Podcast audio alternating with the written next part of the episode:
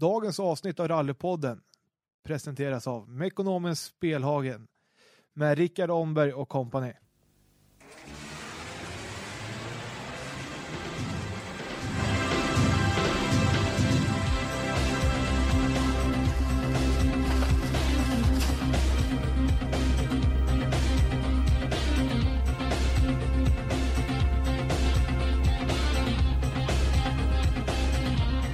Hej och välkomna till Rallypodden. Daniel, är det bra? Ja, det är fint. Hur är det med Hampus då? Det är kanon. Fint väder. Ja, inte så mycket att göra men Nej, det jag är blir, rally, som saknas nu känner ja, man blir rastlös och in i helsike i de här tiderna. jag. Ja. Tur vi har våran rallypodd att spela in. Ja, det är, det är där man får glädjas. Ja. Så.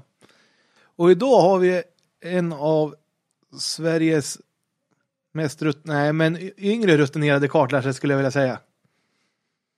Och det är ju Kristoffer Bäck. Välkommen hit. Tusen tack. Är allt bra med dig? Det är jättebra.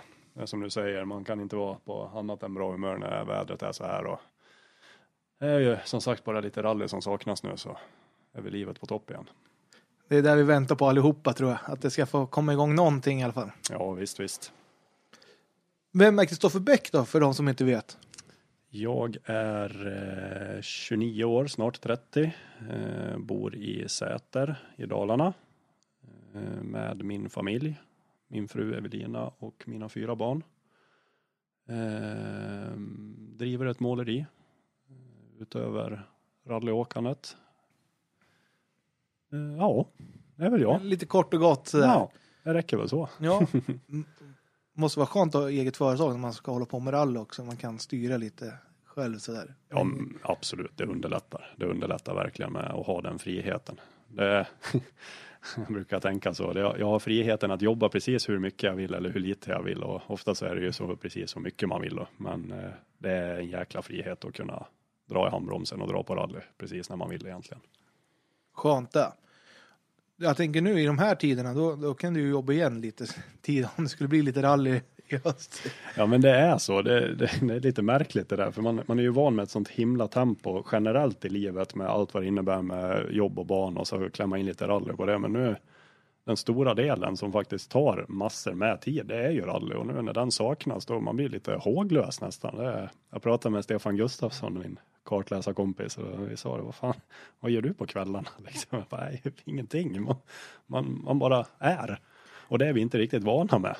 Nej, fritid, det jag känner, alltså man känner sig, vad gör folk? Alltså folk som inte har en hobby, vad gör de? Ja, vad håller Alltså, de på med? Ja, de måste ju alltså inte må bra. Alltså, nej, nej, men det är ju så. Man, man, man försöker hitta på nya saker, men sen just det här, det här momentet, tävlingsveckan. Man eh, är i princip konstant i telefon med eh, olika rallyprofiler inför en tävling. Man pratar med teamet, man pratar med sin förare, man planerar, man trixar och fixar. Det är ju så det här intensiva sista dagarna innan tävling. Den kan jag ju sakna något fruktansvärt. När man är i det kan man tycka att oh, herregud, nu är det dags igen, nu jäklar och så är det mycket slit. Och, men nu saknar man det ju något fruktansvärt. ja, men så är det och vi får väl hoppas att det kommer igång någon gång under året för jag tror, tror alla behöver det. O, oavsett vilken idrott man håller på med eller hobby man håller på med så är det ju lite stilt i allt man, allt man gör just nu. Ja, absolut. Så är det. Så är det. Hur kom du in i rallysvängen då?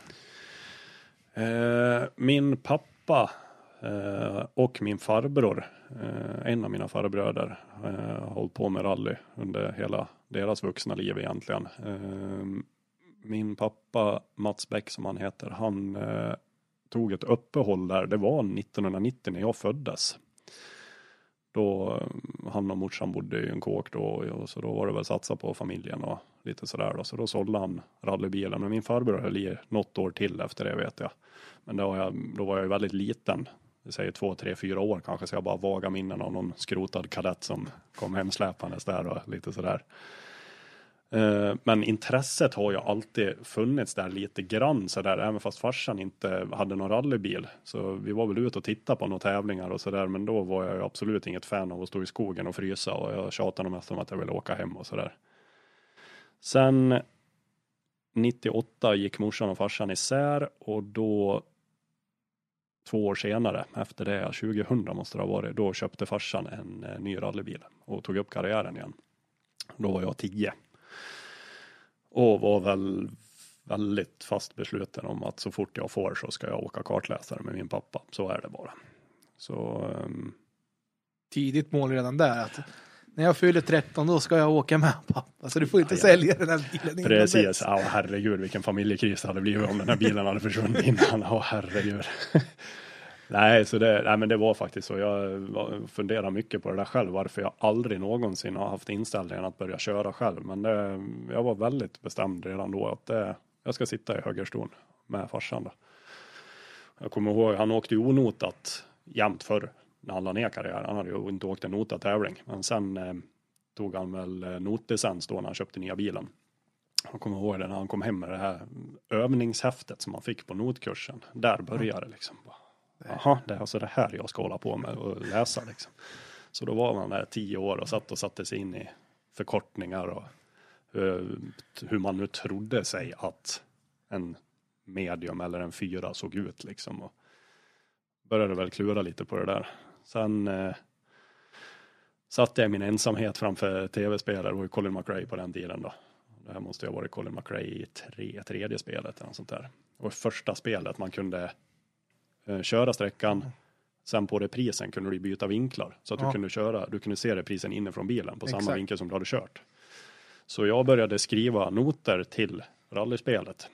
Eh, och sen körde jag sträckan i full fart och sen satt jag och läste åt min egna repris för att ja, återigen fatta vad de olika svängarna betydde. Och då gick jag ju bara på om man säger Nicky Gris noter och jag bara skrev av vad han sa.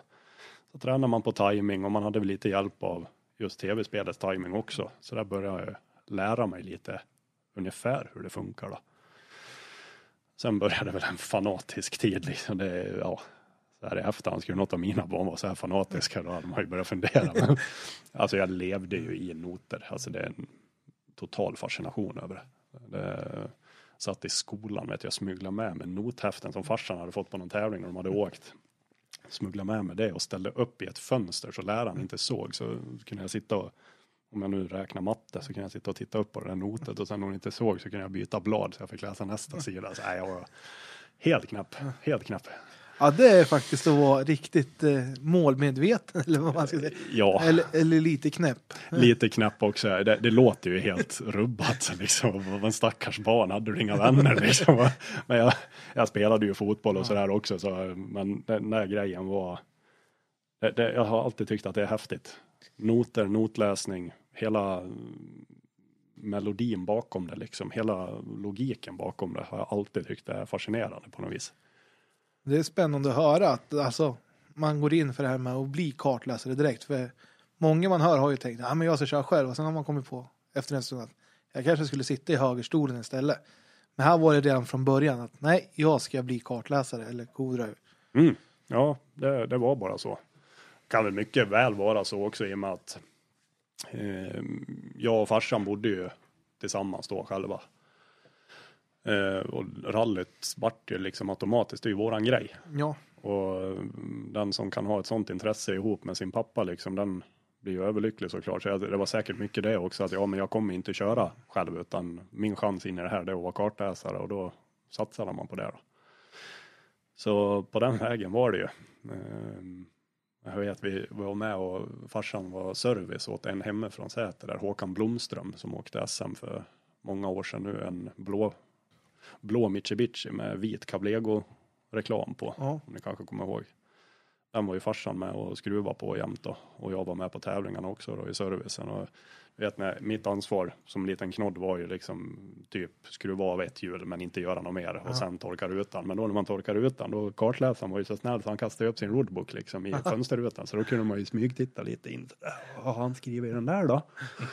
Ja, han har skrivit vad vi ska göra. Så, så, så där har han räknat ut transporten. Okej, mm, mm. Så börjar man snappa upp lite sådana där grejer också. lite så här små tips redan då. Så. Ja, men lite sådär. Man vågar kanske inte fråga heller utan man, nej, jag kollar själv. Men sen började det bli att Håkans kartläsare, i och med att de rekade, så man, de började ju justera noter också. Och då började han kopiera upp noterna efter varje tävling, för han ville ju spara sina själv då. Fick jag kopior på dem där så jag kunde sitta hemma i lugn och ro också och kika liksom hur, en kartläsare hade. Det var ju svårt att kolla på Youtube och där. Det börjar kanske komma så du kunde titta någon sträcka och läsa där eller? Ja, jag, nej, undrar om Youtube, det kom nog lite senare va? Det var väl typ Motorsport for Sale och de här började väl lägga ut lite, eller man kunde skicka in Ja. in karfilmer. Undrar om det var där man hittade på dem. Och lika Ja, på men- Motorsport i Värmland hade vi någon sån här filmlänkar. Ja, men så kan det ha varit faktiskt. Så att, Jag tror det var någon sån där kanal man gick via. ja, man, ja, som du säger, man skickar in eller fanns, ja, fanns väl någon sida som hade typ lite videos och det också. Ja, jo, där satt man ju och tittade bra nog och studerade fram, framför allt. Försökte hela tiden kolla. Wow, här har jag en sträcka där den, det finns två filmer från samma sträcka. En åker med beskrivande, en åker med siffror. Perfekt. Kan man studera de olika stilarna på en och samma väg. Skitbra. För man ska ju lära sig allt om man ska bli en bra kartläsare. Så att, Så är det ju alltså. tänkte Kristoffer, 11-12 år.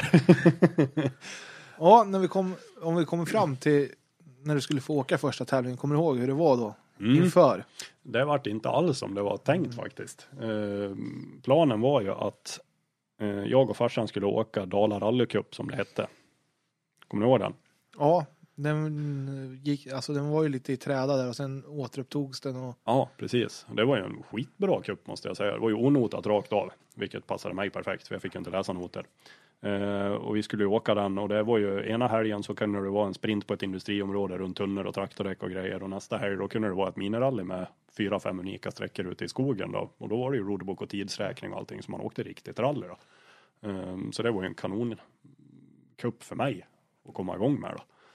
Eh, Men innan första tävlingen vart i den kuppen så en granne hemma vid oss, han lånade sina föräldrars garage och skruvade med rallybilen där. Så var det en kväll, då såg vi att han var där så gick vi över. Fredrik Fullsta heter han, han kör inte idag. Han hade en Peugeot 205, en framhjulsdriven Grupp H. okej. Ehm, Så vi gick över och pratade lite med honom och sa, nej fan jag har panik nu, fan jag ska ju åka i Sala imorgon en sprint men jag har ingen kartläsare. Och då farsan bara, men du tror de har någon prova på licens där? Ja men det tror jag. Ja men då, ta med grabben då. Så bam! en natt så skulle jag göra kar- karriärpremiär Och liksom. gick, alltså, jag tänker, du har ju ändå tränat nu i tre år på, På på, allt.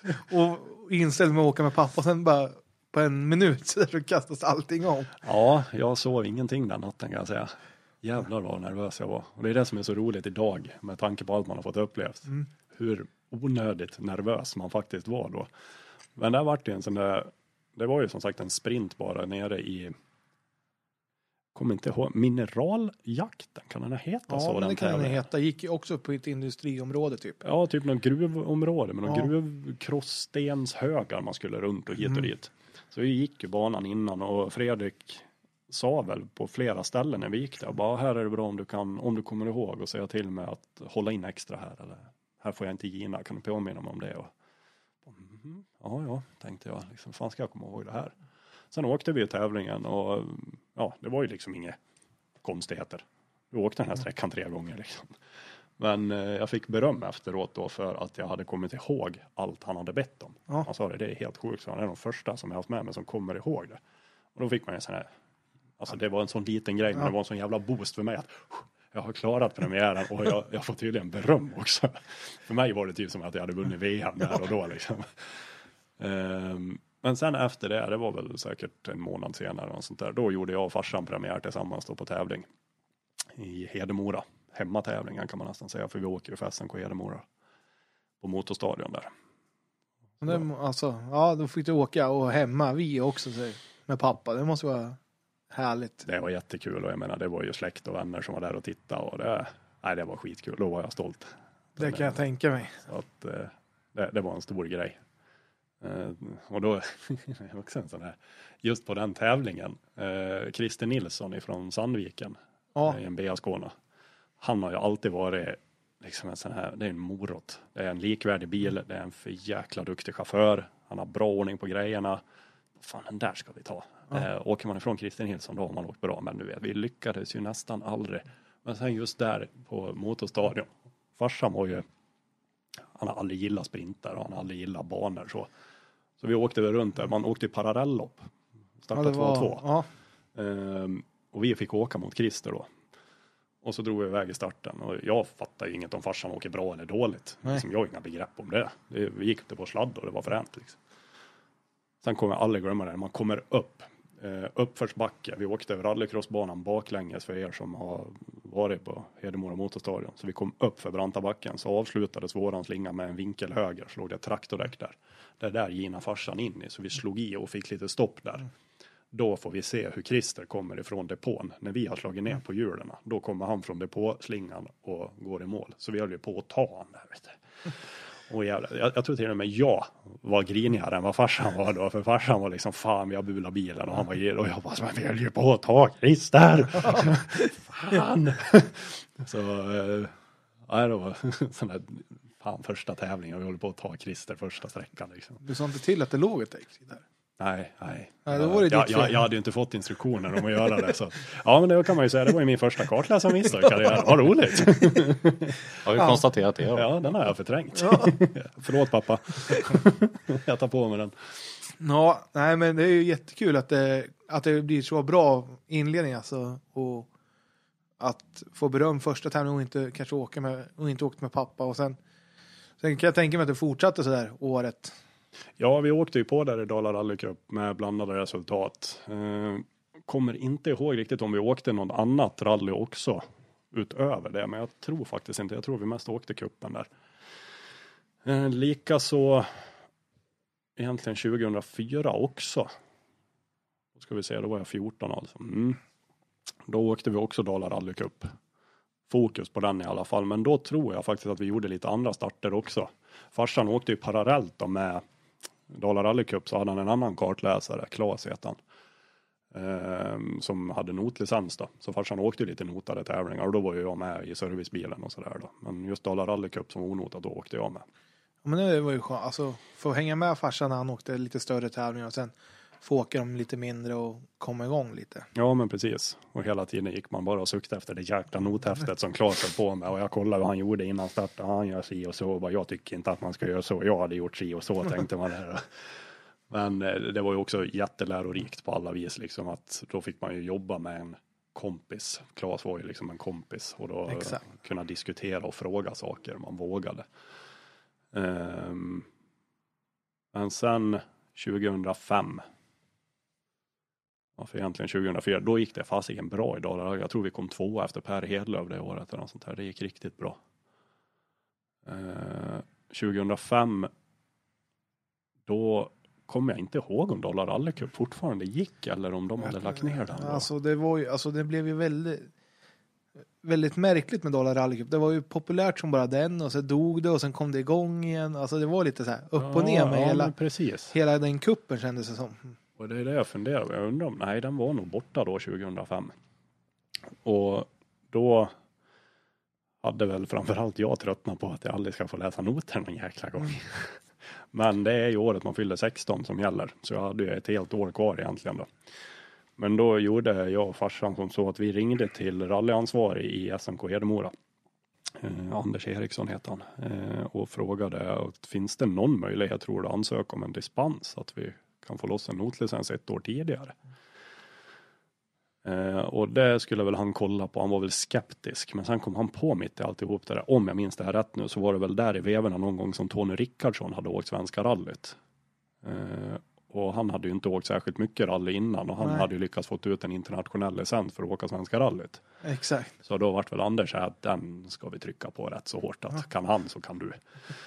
Och sagt och gjort, vi fick dispens. Ehm, Så jag fick börja läsa noter ett år för tidigt då, på villkor att det bara var åt farsan. Så hoppade jag in åt någon annan, då fick jag inte läsa noter. Nej, men det kan ju vara alltså schysst stil ändå. Absolut, det var jättesnällt av SBF och bra driv i Anders på SNK Hedemora också som trixade och fixade med det här och med alla papper och hit och dit. Så, att, ehm, så 2005, sommarvalsen i Uppsala, då gjorde jag min första notade tävling. Då hade man fått sitta där på notkursen först som alla har pratat om. Man får åka till Marco Kangas i Sandviken och gå på notkurs. Jag bara, Ja, fan nu ska jag åka på notkurs. Sätter mig hos Kangas där och jag läser i de där häftena och han berättar sina anekdoter och allt det är ju, man, man ska alltid sitta och lyssna på äldre folk tycker jag för då får man höra mycket roligt. Så jag satt där och lyssnade. Och sen fick jag som sagt läsa det där provhäftet liksom och han sa du byt blad sa han. Aha. läs tredje raden här och sånt där. Var det väl en höger fyra till vänster fem minus över litet grönt 30 och höger två tror jag det stod. Och då när jag läste den där så sa jag, ja, ja, jag ville bara höra hur du betonade tvåan. Fan, har du åkt mycket noter? Nej, nej, det har jag inte gjort. Men då är det sådana här grejer liksom som man har snappat upp liksom. Och det var, det var nästa sån där grej som att tack, tack som fan Kangas för att du gjorde den grejen så att jag fick lite bekräftelse på att jag tänker rätt i alla fall. Utan att ha åkt en enda tävlingsmeter. Jag har ju tvingat ut farsan på Nornskogen hemma, jag vet inte hur många gånger för att läsa gamla arrangörsnoter där. Ja. Men tävlingsbil har jag aldrig åkt noter. Men så kommer vi till sommarvalsen där och vi drar iväg på första sträckan. Då kan jag ju säga att nästa sömnlösa natt kom inför den tävlingen. Du, det kan jag tänka mig. Hur fan ska det här gå?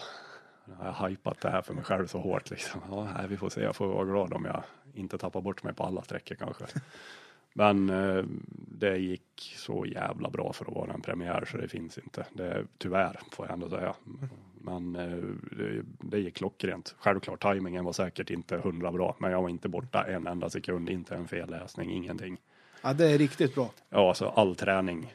Farsan sa ju det flera gånger, det är tävling som ger träning. Det här ger ingenting. Jag tror han var mest less på att vi var uppe på Norrskogen och här han vill inte åka någon mer personbil där uppe och träna. Men han sa det, det är tävling som ger. Men sen sa han faktiskt efter tävlingen, nej du har fan rätt. Den här jävla nötningen hemma, det gjorde sitt. Så ett tips till alla nybörjare. Träna, träna, träna på alla möjliga sätt. Det, ha ett jäkla intresse för det, träna. Och snappa upp så mycket jäkla olika informationer ni kan. Men det är som du säger, börja med tv-spel. Om, alltså, om du inte har någon som vill skjutsa runt på det, börja med tv-spel. Och sen Ja. gå vidare till att kanske åka epa-traktor eller något Ja, ja, ja, absolut. Och, och träna där. Jag satt ju till och med när, där när jag var lite mindre. Jag fick följa med, han kör lastbil farsan, så jag var med på några kvällspass vet jag, när han körde timmerbil. Då hade jag ju med mig nothäften i lastbilen. Så jag sitter liksom på typ E4 och bara läser noter och föreställer mig liksom. Jag, jag sitter med ett nothäfte. Och jag tror det är det som är, det är inte, det är säkert inte kul. Jag tyckte det var skitkul. Jag var ett barn som hade fått en dille på det här, så jag tyckte det var skitkul. Men så, man vet ju själv när man var liten om man fick här, någon idé att det här ska jag göra. För det, det här är ju askul. Precis. Och då brinner man för det tills det inte blir det, ja, någonstans så kanske det tar stopp, men här har det bara utvecklat sig Ja. hela tiden. Det är ju där, det gäller ju att hitta sin utvecklingskurva. Jag vet när jag var mindre, då, jag älskade ju att styra ihop fotbollsturneringar hemma på tomt. Så jag satt och lottade lag med varandra, så, så spelade jag matchen själv och skrev ner resultat och gjorde tabeller. Och, Fy fan vad coolt. och det där har ju fortsatt med att man blev arrangör och, Ja, och visst. började arrangera rallytävlingar. och det-. Istället så man tar det ju vidare till nästa nivå, bara Ja, man men- vill. Ja, ja, men så är det ju. Det är, det är fan kul. Sen när det var EM, man lottade EM-grupper och sen spelade man matcherna. Och sen, så, ja, så var det Sverige-Frankrike-final. Eller något. För man spelar ju alltid bättre med det laget man gillar. Ja, men då kan jag ju tänka mig att dina polare liksom, att hur fan kan du tycka det där är kul? Och bara sitta och hålla på med det där. Det måste ju vara skittråkigt. Man sitter där som en minifarbror liksom. Exakt. alltså, bara, Ska vi inte spela nu? Ja, men vänta, vi måste göra tabellen klar. ja, men så var det ju för mig också. Det, det vart en dille och en fascination. Och det, som tur var så hjälpte det mig till premiären såklart. Det, Ja, verkligen. Men då där 2005 så vi åkte sommarvalsen där och sen Rikspokalen vet jag att vi åkte i alla fall som avslutning. Frågan är om det kanske vart ett ganska stort uppehåll där emellan sommarvalsen. Ja, det stämmer. Jo, det vart ett uppehåll där för eh, det var då stormen Gudrun kom och som sagt farsan körde timmerbil så han låg borta på jobb hur mycket som helst och Ja, Okej. ja. körde timmer. Så det vart ett uppehåll ända till Rikspokalen. Men då åkte vi den också då. Notat. Ehm, så jag fick en tävling till då. Det var också en bra första erfarenhet för då hann det bli mörkt. Den gick ju sent i oktober då. Jag vet första snön kom då när vi skulle åka hem från Örebro. Och då vart det mörkt på de sista två sträckorna så då fick man testa det också, åka i mörker. Ja, och det här var när du var 2005 va? Ja, precis. Men du åkte en tävling till. Gjorde jag det 2005? Götenerundan. Åkte vi Götenerundan? Ja, det kanske vi gjorde Ja. då. Men det var med farsan va? Ja, Hoppas jag. För det annars var- har jag ju brutit dispensen. Ja, men det var med, med far din. Jaha, hur gick det där då? Ja, ni blev sexa i A-grupp H i alla fall. Åkte vi nog rätt bra va? Ja, den måste Ja, ha det gått, måste det. måste gått skapligt. Men gud, då har jag ingen minne av alls att vi Den, gjorde. bruk, ja, den är ju Jaha. väldigt varierande när den går. Ja, men precis. Ja, Men den måste ha gått efter sommaren, för det var i augusti. Det var i augusti. ja. Sen borde stormen ha kommit där i september. Ja, det var nog så ja. Precis. Men ja, ja men det var ju kul att det gick bra där i Götene. Nej, den lär jag reda ut med farsan sen. Ja, det får du göra. ja. Så ja, och sen var väl egentligen den säsongen slut. Måste det ha varit. Ja, Ja, ja, Rikspokalen brukar ju vara... det brukar ju vara en av de sista. Ja. För vi åkte inte någon marknadsnatten och sånt där. Utan Rikspokalen var de sista ja. Och sen eh, då går vi alltså in på 2006 va. Och då kommer väl vintern 2006 där. Eh, farsan hade haft isär hela bilen och gjort i ordning den. Planen var ju fortfarande att jag och farsan skulle åka ihop och jag, om inte jag missminner mig så hade vi nog till och med bestämt oss för en serie då för första gången på länge Ja. att den här ska vi satsa på. Då skulle Dala Rally Cup gå igen, kommer jag ihåg nu. Ja, Ja. 2006 skulle den återuppstå igen. Ja, men det var ju väldigt hattigt där som Ja. vi sa. Så det- vi sa nu att vi skulle åka Dala Rally Cup och DM. Det var det vi skulle satsa Ja. på 2006. Så farsan rev isär hela bilen och gjorde ordning allting och fräschade upp allting och trixa och fixa där. Ehm, eh, sen kommer vi till en av de värsta grejerna jag varit med om i min karriär. Vi skulle åka ett test på vintern där 2006. Måste jag vara i början på januari någon gång där då. Eh, Ett eh, arrangerat, organiserat test. Eh, Ja. En sträcka som vi åkte och en vändsträcka helt enkelt då. En vägvakt i ena änden och så hade vi serviceplats i den andra. Vi var från början tre bilar som åkte. Sträckan vart väldigt lång. Den vart en mil tur om man säger fem Ja. kilometer enkel då. Så en mil totalt. Tog en jäkla tid för varje bil att åka Ja. in och ut. Så bröt en av bilarna så vi var bara två kvar. Eh, och då sa vi så här, men för fan för att spara lite tid. Åk upp. Nästa åker upp. Mm. Vi åker tillbaka. Åker tillbaka, båda bilarna. Helt överens, alla var helt överens. Första bilen drar iväg, vi pratade till och med om startmellanrum och jag sa det, ja, men om vi sticker typ en och en halv minut efter dig, då är det ju liksom Ja, du hinner ju ut på en minut på tävling, så det ska ju vara lugnt om någonting händer dig. Exakt. Perfekt. Eh, drog, han drog iväg. Jag kommer aldrig glömma det. En minut och 32 sekunder efter att han drog. Då sa jag start, sen stack vi. Farsan åkte på bra. Så när vi har, ska vi säga, 300 meter kvar till vändningen Mm. ungefär. Vi har fullt på fyran upp emot ett blindkrön. Där möter vi den andra bilen. Och fy fan. Eh, han har helt tappat att vi ska åka upp. Det är ju, alltså så här i efterhand, varför skulle vi ändra upplägg? Självklart helt jävla idiotiskt, men eh, säger man vi gör så här, Ja. ja. det gör vi. Då tycker man ju att nu är vi överens. Eh, och det smäller nog grön djävulskt där, jag, usch. Så eh, farsan bröt foten bland annat. Eh, bilarna var ju bara super av bägge två. Totalt sumskrot. Eh, så det var, det var otäckt. Det var Ja, det kan jag, alltså, att det gick så bra, alltså tur i oturen kan man ju säga att det, Ja, att det inte gick värre. Ja. Och att vi ändå hade bälten på som Ja. man ska. Vi hade hjälmar på. Allt var check så då. Men eh, nej, det var otäckt. Fy fan. Hela Man kan ju grejen. bara tänka sig känslan av att se den andra bilen när du Mm. när man åker så fort och så ser nej, Mm. det här kommer bara sluta Ja, på ett vis. Man hinner ju tänka mycket på en sekund till exempel. man gör ju det. det är väldigt långa sekunder innan det händer Ja, något. fy fan. Det är det. Och det, det var så dumt egentligen. För det var en svag, om man säger för han mötande bilen då, så gick han in i en svag vänster över ett krön. Och vi gick in i en ganska, ja från vårat håll så blir det väl lite tvärare. Men typ mediumsväng skulle jag Mm. säga då. Han, det var en mötesficka utplogad på vänstersidan.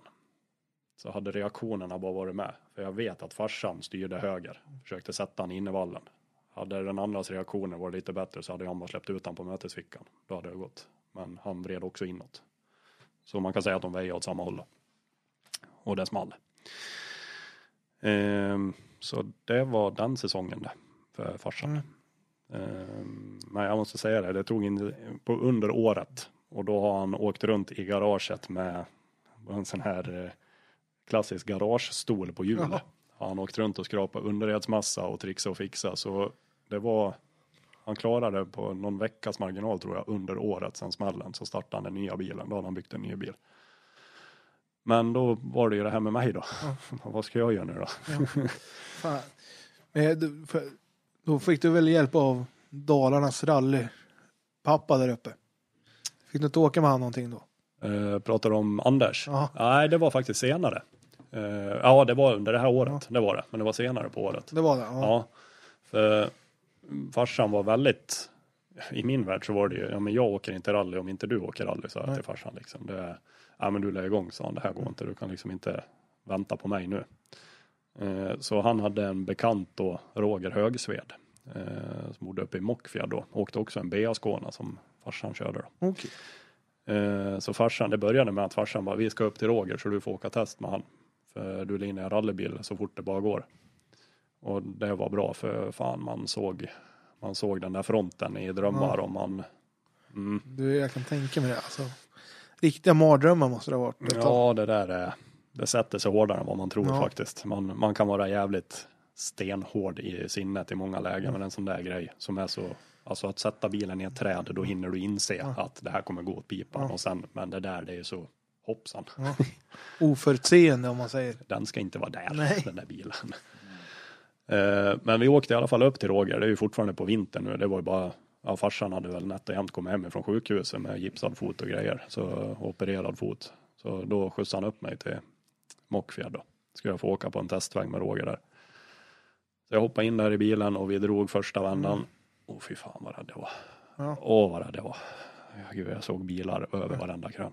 Och jag vet det var flera gånger jag tittade ner bara för jag ville inte titta på vägen. Nej. Andra vändan, ja men fan, ja men det känns bra. Nu har jag ändå fått sett sträckan. Jag vet att det finns inga bilar här. Nej. Det är lugnt. Ni var själva då, eller hur? Alltså, Vi var helt själva. ja. Ja. Jajamän. Farsan var vägvakt i ena änden. Så, och han, han skötte sig kan jag Ja. säga. Efter det han hade varit med om då. Eh, och då sa jag till Roger, vet jag, efter andra vändan. För han frågade, tycker du jag kan öka lite? Ja men ökar du, sa jag. Ja. Ta i lite mer. Så då gjorde han det. Eh, tredje vändan så sa jag, ja men du kan öka lite till. Ja, sa han. Och så tog han i. Fjärde vändan så sa jag, ja men öka lite till. Nej men du för fan, jag kan inget mer. Jag är ledsen, jag kan inget mer. Jag bara, nej, nej, nej, okej, nej men vad bra.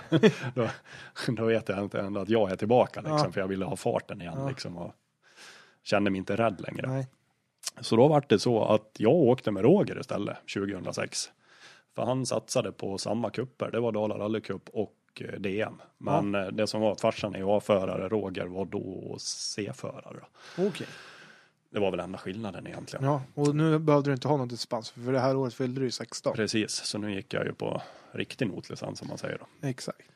Och det var ju helt fantastiskt. Jag är Roger evigt tacksam för jag hade ju fått ett tävlingsuppehåll i året om det inte var för Rogers Exakt. mm, skull, liksom att han tog med mig. Ehm, och det var väl perfekt för mig också. Det här, liksom, ja, jag kan ju inte säga att i det här läget kan man inte kalla mig för rutinerad. Det är ingen som vet vem jag är i det här läget. Nej, Och han var ju då inom situationstecken bara C-förare som inte ställde några höga krav på någon kartläsare. Det är inte som idag. Hejsan, jag har precis börjat med rally. Jag vill ha en rutinerad kartläsare med mig som man ser ganska ofta på nätet. nej det är ju så typ var och varannan sak. Helst skulle de ha Daniel Helén eller någon bredvid. Jajamän, Så nej, man kanske skulle. Jag tror att det är bra att man börjar på ungefär samma nivå. Alltså Visst är det nybörjare så. med nybörjare. Ja. ja. Så vi kan få fram fler duktiga kartläsare. Precis, jag tycker det också. Men då eh, när han tog med mig där och vi, alltså vi åkte ju på det året och det gick skitbra. Vi vann Dala rallycup i ser och sen Malmia runt kommer jag aldrig heller glömma. När vi sladdade bort DM-guldet in i en jordvall på Kratte-Måsungssträckan. Jag vet inte vad Roger fick för flax där. Han skulle ta en öppen högerrätt i vägskäl på treans växel och dyngsladd och bara prova om det skulle gå. Men det gick då fan inte. Så där vart vi kvar och fick ett DM-silver. Men eh, i övrigt så hela det året gick bra. Alltså det, det var skitkul. Farsan var med och skruva, han skjutsade mig på alla tävlingar och parallellt med det så byggde han nya rallybilen och ja, de höll igång mig helt enkelt. Ja, men det var jätteskönt för dig också att få den upp, uppbackningen ändå. Fantastiskt bra. Och få träna, fortsätta träna noter, träna, träna, träna, träna. Så att eh, det var kanon. Men det som också hände där då 2006. Det var att eh, farsan ringde. Ja, så här var det, vi skulle åka och titta på tävlingen i Kil, SM-tävlingen i Kil det året. Okej. Vi skulle bara ut och titta. Sen ringer han till mig farsan, jag tror det här är på onsdagen kanske före tävlingen. Så säger han, du, vill du åka tävlingen istället? "Eh, ja, kanske det. Hur så? Nej, Anders vän ringde mig. Jaha, ja, han ska åka föråkare i sin Subaru Legacy. Jaha, ja, han har ingen kartläsare. Oj, men du fan den är fyrhjulsdriven? Ja. Men du det är ju en SM-tävling? Ja. Ja, hopp. Åh fan. Dags för sömnlösa nätter igen. Eh, det som hade hänt då, bakgrunden till det här, det är att där Dala rallycupsåret när vi kom tvåa efter Ja. Hedlöv, Exakt. jag och farsan, då var det prisutdelning och fest uppe i Fredriksberg, för det var där finalen gick. Då på festen där sitter Anders vän vid samma bord som oss. Han Okej. känner ju inte oss så. Men jag och Anders vart och pratade lite grann där. Ja.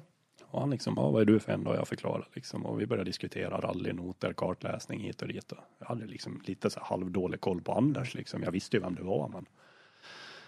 Och sen skulle han åka den här tävlingen i Kil då som föråkare. Och hade väl en lista på 20 namn för hans ordinarie kartläsare hade blivit sjuk tror jag det var. Hade fått förhinder av någon anledning.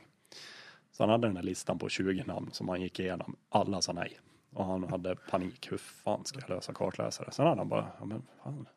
Så att inte jag drack öl där med Mats Bäck och de där på den festen. Just det, hans grabb där. Ja, det är väl en chansning kanske. Men han ringde upp farsan. och, ja, man kan ju säga att min karriär tog sig en liten ny vändning där med herr vän. Men eh, det vart så i alla fall att vi skulle åka den tävlingen. Det var ju en orekad SM-tävling. Så det var ju liksom, det var ju som att åka ett minirally fast mycket större. Och att man fick gå runt i en depå där hela Sverige-eliten var. Det var ju ganska coolt så då. Men sen just det där premiär i fyrhjulsdrivet. Spännande. Jättespännande. Kil också. I Kil på de vägarna ja. Eh, och Anders hade förmodligen inga höga tankar alls. Han var väl bara glad att jag har hittat en kartläsare som kunde åka med. Det var ju tur. Och den här tävlingen är ju så fantastisk på så många vis. Alltså, för det, herregud vad jag och Anders har skrattat åt det här. Själva tävlingsmomentet gick jättebra och jag insåg ju direkt att fan Anders har rätt bra koll på det här med kartläsarbiten också. För han satt liksom, ja men nu kan du göra så där i roadbooken och så kan du ju kolla på nästa sida, ja då ser du att det är si och så långt kvar på den, ja men då kan du räkna omvänt, då ligger vi åtta minuter plus, så kan du tänka, bla bla bla. Han satt sig på varenda transport liksom och utbildade mig. Och då var jag tvungen att fråga honom till slut, men har du åkt mycket kartläsare? Och då tror jag han hade åkt Svenska rallyt, var det 12 gånger, sex som förare och sex som kartläsare. Och hade väl ett, ett antal SM-medaljer som kartläsare åt LG Andersson bland annat. Så bara, ja, okej, du, är- du är rätt rutinerad alltså. um, men det som händer under tävlingen, det, det flyter på bra. Jag läser mina noter och sådär och Anders säger inget speciellt då mer än att han, han tycker det funkar bra, säger han liksom. Ja, men vad bra, vad kul. Och så har tävlingsledningen dealat med en gubbe, en konstnärsgubbe på typ 70 år som bor på en av sträckorna att ska ni åka förbi mig så får jag baske mig få åka med rallybil också. Så då hade de ju pratat med Anders om att han skulle skjutsa gubben på sin hemmasträcka. Så upplägget var som så att jag och Anders åker transporten upp till starten. Där möter eh, Evelin Valfridsson. Det är ju Miriams syster va? Ja, det, ja, det måste det väl vara. Ja, Eller kusin, eller? Jag, jag, jag, jag sätter mina kort på syster. Men så måste det vara. Ja. Hon möter upp oss där. Eh, trasslar in den här gubben i bilen. Han är jätteglad och trevlig. Han sitter där i shorts och pikétröja och får på sig hjälmen. Nu ska vi åka rally. Och Anders vän är Anders vän. Han är ju supersocial. Han fick ju den där gubben att känna sig mer än välkommen. Sen ska ju alltså Evelin åka med mig till sträckmålet. Och där ska jag hoppa in igen. Problemet är bara att Anders åker fortare än vad vi gör. Så de går ju i mål på sträckan och åker vidare till nästa. Och jag är Evelin bara, vad, vad är bilen? Vad- Fan, vi har tappat bort en rallybil här. Så, och Anders har berättat efteråt att gubben liksom, när de kommer i mål på sträckan och Anders bara, ja de är ju inte här. Nej, vi åker mot nästa då, sa Anders, så får vi se. Så Anders satt ju med roadbooken på ratten så här och åkte transport liksom. Och, ja, nu ska vi dit och dit. Och så kommer de fram till starten, så bara, "Nej, de är ju inte här heller. Och gubben, nej men vad händer nu? Får jag åka igen? Ja, det får nog bli så, sa Anders. sen drog de iväg på nästa sträcka också. Och sen efter den var det ju service. Så Evelin hade vi bara, nej, då måste jag åka till nästa. Vi drar till service, du och jag. Så jag åkte med henne. Så helt plötsligt sitter en kartläsare i en bil som har tappat bort sin rallybil någonstans på Kilskogen. Liksom. Och jag bara, vad fan vart det här nu då? Det var inte så här den här jäkla tävlingen skulle gå till. Jag kommer ner till servicen där och då Eh, ja, vi väntade väl bara i typ fem minuter. Och jag vet att Evelin gick runt och skrattade här och så bara, ja det här har jag aldrig varit med om. Jag har aldrig varit med om att man tappar bort en rallybil så här. Och så kommer ju Anders och gubben in på servicen och gubben ur och är så himla glad. Vet du. Ja, jag lovar dig, den där sträckan har de fått låna flera gånger. Det, ja, det var en skitrolig grej som hände som jag hade jättepanik över. Ja, men det kan ju. Men- Min rallybil. Ja, vad fan. Han tog ston och drog gubben. Vad i. Ja, nu får inte jag tillbaka den. Nej. Nej, så det var lite kul. Sen åkte vi och där också visar hur snäll Anders vän är. Vi hoppade sönder. Vi kom över ett välkänt hopp i Kil där vid en lada. Det finns mycket bilder på Flodin vet jag med Subaren där man flyger så in i helvete. Och där bestämde sig Anders från ingenstans att nu ska lägga sin få smaka. Så han höll ju klappfullt där och vi flög nog grön djävulskt. Slog av eh, en kylar. Nej, en turboslang. Så bilen gick ju knappt. Men efter den sträckan, då hade vi service och de konstaterade att det här kan vi inte laga nu. Men då hade Anders fått höra att min farsa och hans polare stod på sträckan efter. Så Anders bara, du vi åker upp och åker den sträckan, sen bryter vi. Bara för att det är klart, vad fan nu är farsan ute och tittar på, Ja. det är klart han ska få se sin son liksom. Exakt. Det visar ju hur jävla snäll Anders är. Ja. Liksom, att ja, jag bryter sen liksom. Ja. Så farsan fick i alla fall se mig i skogen där på min SM-premiär. som Ja, du kalla ser. Så det var ju bra. Eh, och ja, just det. Vi åkte till en till tävling det året, jag och Anders vann. Det var Rikspokalen igen. Okej, ja. Med samma legacy. Skitfrän bil för övrigt. En tvättäkta Colin McRae legacy. Liksom. Ja, det stumt liksom. Och det är sladdar och det är far och det är grejer. Jävla rolig bil. Åker till Örebro, ska åka Rikspokalen. Uh, åker ut i första sträckan. 5, 4, 3, 2, 1, kör. Perfekt. Ur startgroparna, i med tvåan och där slutar han driva. Vad i helvete. Den, eh, eh, man kan säga från startlinjen till att vi stannade så var det typ 50 meter. På de 50 metrarna så lärde Anders vän mig så många nya svordomar. Och han hann sälja bilen, köpa en raggarbil och börja supa och vara på cruising också innan vi ens har stannat. Jävlar vad arg han var och så arg har jag aldrig. Nej, det här var argaste gången. Han har varit arg förut, men det här var argaste gången. Dra åt fan vad sur han var. Ja, vi bröt ju där. Det var Ja. något jäkla tapp eller någonting som gick av bak. Så han slutade driva helt. Eh, Lång, det måste ha varit kortaste tävlingen i karriären kanske. Ja, jag och farsan for av efter 460 meter en gång, men det här var ju kortare. Ja, jag har brutit på transporten ut till första en gång också. Ja, då var Ja, den kortast. Ja. Alltså man säger sträckbrytningar då. Där vi står på sträckan så var det här kortast. Så eh, ja, vi bröt ju där tyvärr då. Och då fick jag även se, just det, ni har ju haft Jim Järpe här. En barndomskompis till ja. mig. Vi bor ju nästan grannar nu. Och eh, då fick jag se hans premiär med noter också. När han åkte med Micke Hedberg, den där stackars Suzukin. ja, just det, det var samma tävling. Ja, nog om det. Men eh, det som hände där i alla fall efter 2006, efter att jag hade åkt med Anders Wann, så um, visade det sig då att han hade väl tyckt att ja, men den här killen är ju ett riktigt jäkla ämne. Och han är väl den första jag har åkt med så som verkligen kunde bedöma det tack vare att han hade sån rutin själv som kartläsare. Exakt. Eh, Så han började väl inte uttalat så, men inför 2007 så där då började vi ha lite kontakt och jag märkte ju att han gärna ville stötta mig liksom och han vi diskutera mycket och han lärde mig mycket om större tävlingar och, och Anders Wenne är ju en historiespruta så man får ju höra så himla mycket roliga historier också om saker som man också lär sig av, liksom, men han är ju en sån fantastisk människa att ha att göra med. Man är ju alltid glad när man pratar med Anders. Liksom. Och då blir det att man lyssnar mycket och man snappar upp mycket och sen helt plötsligt så skulle han åka Ford Flexifuel Cup 2007 i en ST. Spännande bilen. Alltså, de var ju rätt nya. Alltså, eller var det Ja, det var 05 var väl Noll- premiären va? ja. Sen 06 var väl första cupåret. året? Alltså. Ja, det, måste vara något sånt. Ja. Och då skulle han som sagt åka 2007 där. Och jag var inte tilltänkt som kartläsare alls. Nej. Utan det var hans ordinarie då. Men då var det samma veva igen där om jag inte missminner mig. Inför Offerdalingen som var premiären då. Då, jag var ju i skolan. Då, jag tror Anders ringde mig på, om det var onsdagen eller torsdagen och sa du kan du hoppa in för kartisen är sjuk. Så, ja, jag fick ju ledigt från skolan då så det var ju tur då. Ja, jag var ju 16 då. Jag skulle ju fylla 17 det året. Stämmer. Man glömmer bort att man var inte ens vuxen. Nej, du hade inte ens körkort. Nej, jag tog mig ingenstans själv hur som helst. Eh, Men då åkte vi upp till Offerdalingen i alla fall och då hade ju eh, kuppen då, de hade ju fixat att vi skulle åka test hos Depå Grande på fredagen då, måste det ha varit. Och så tävling på lördagen. Och då fick man ju eh, liksom se hur ett sånt där stort arrangemang går till med en hel kupp. Jag menar det är Andreas Eriksson, det är proffsiga team överallt liksom. Det är stötdämparexperter, det är hela den där grejen.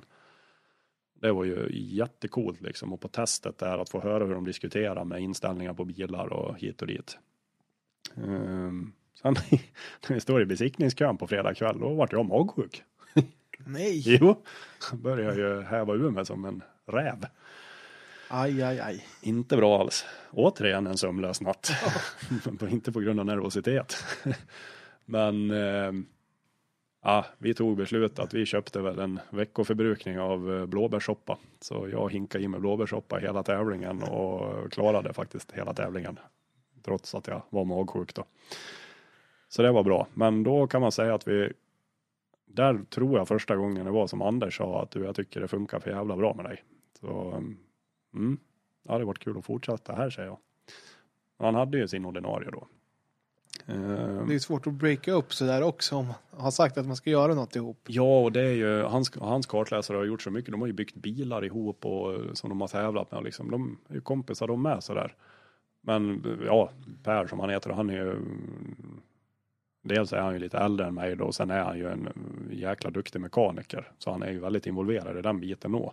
För då vet jag när vi åkte upp till Vännäs, som var andra deltävlingen, och då var det ju första riktiga SM-tävlingen för mig fullt ut. Vi är inga föråkare nu, nu ska vi tävla och det är rek och det är hela konkarongen liksom. Då var Per med faktiskt och skruva, men jag åkte högerstol då. Okej. Ja, men det måste ju ändå kännas rätt skönt att ha kvar han i teamet. Sådär, att det- han inte blev utslängd på. Nej, nej, Helt. nej, men precis. Och jag tror till och med att det var så att han um, undrar om inte Per lät mig åka den tävlingen just för att jag skulle få åka SM. För Per hade ju åkt svenska ihop med Anders något och sånt där, så han har ju liksom fått uppleva det där. Då. Men jag undrar om inte han klev åt sidan då för att, ja men åk du den här tävlingen så du får prova det här. Och det var ju skithäftigt.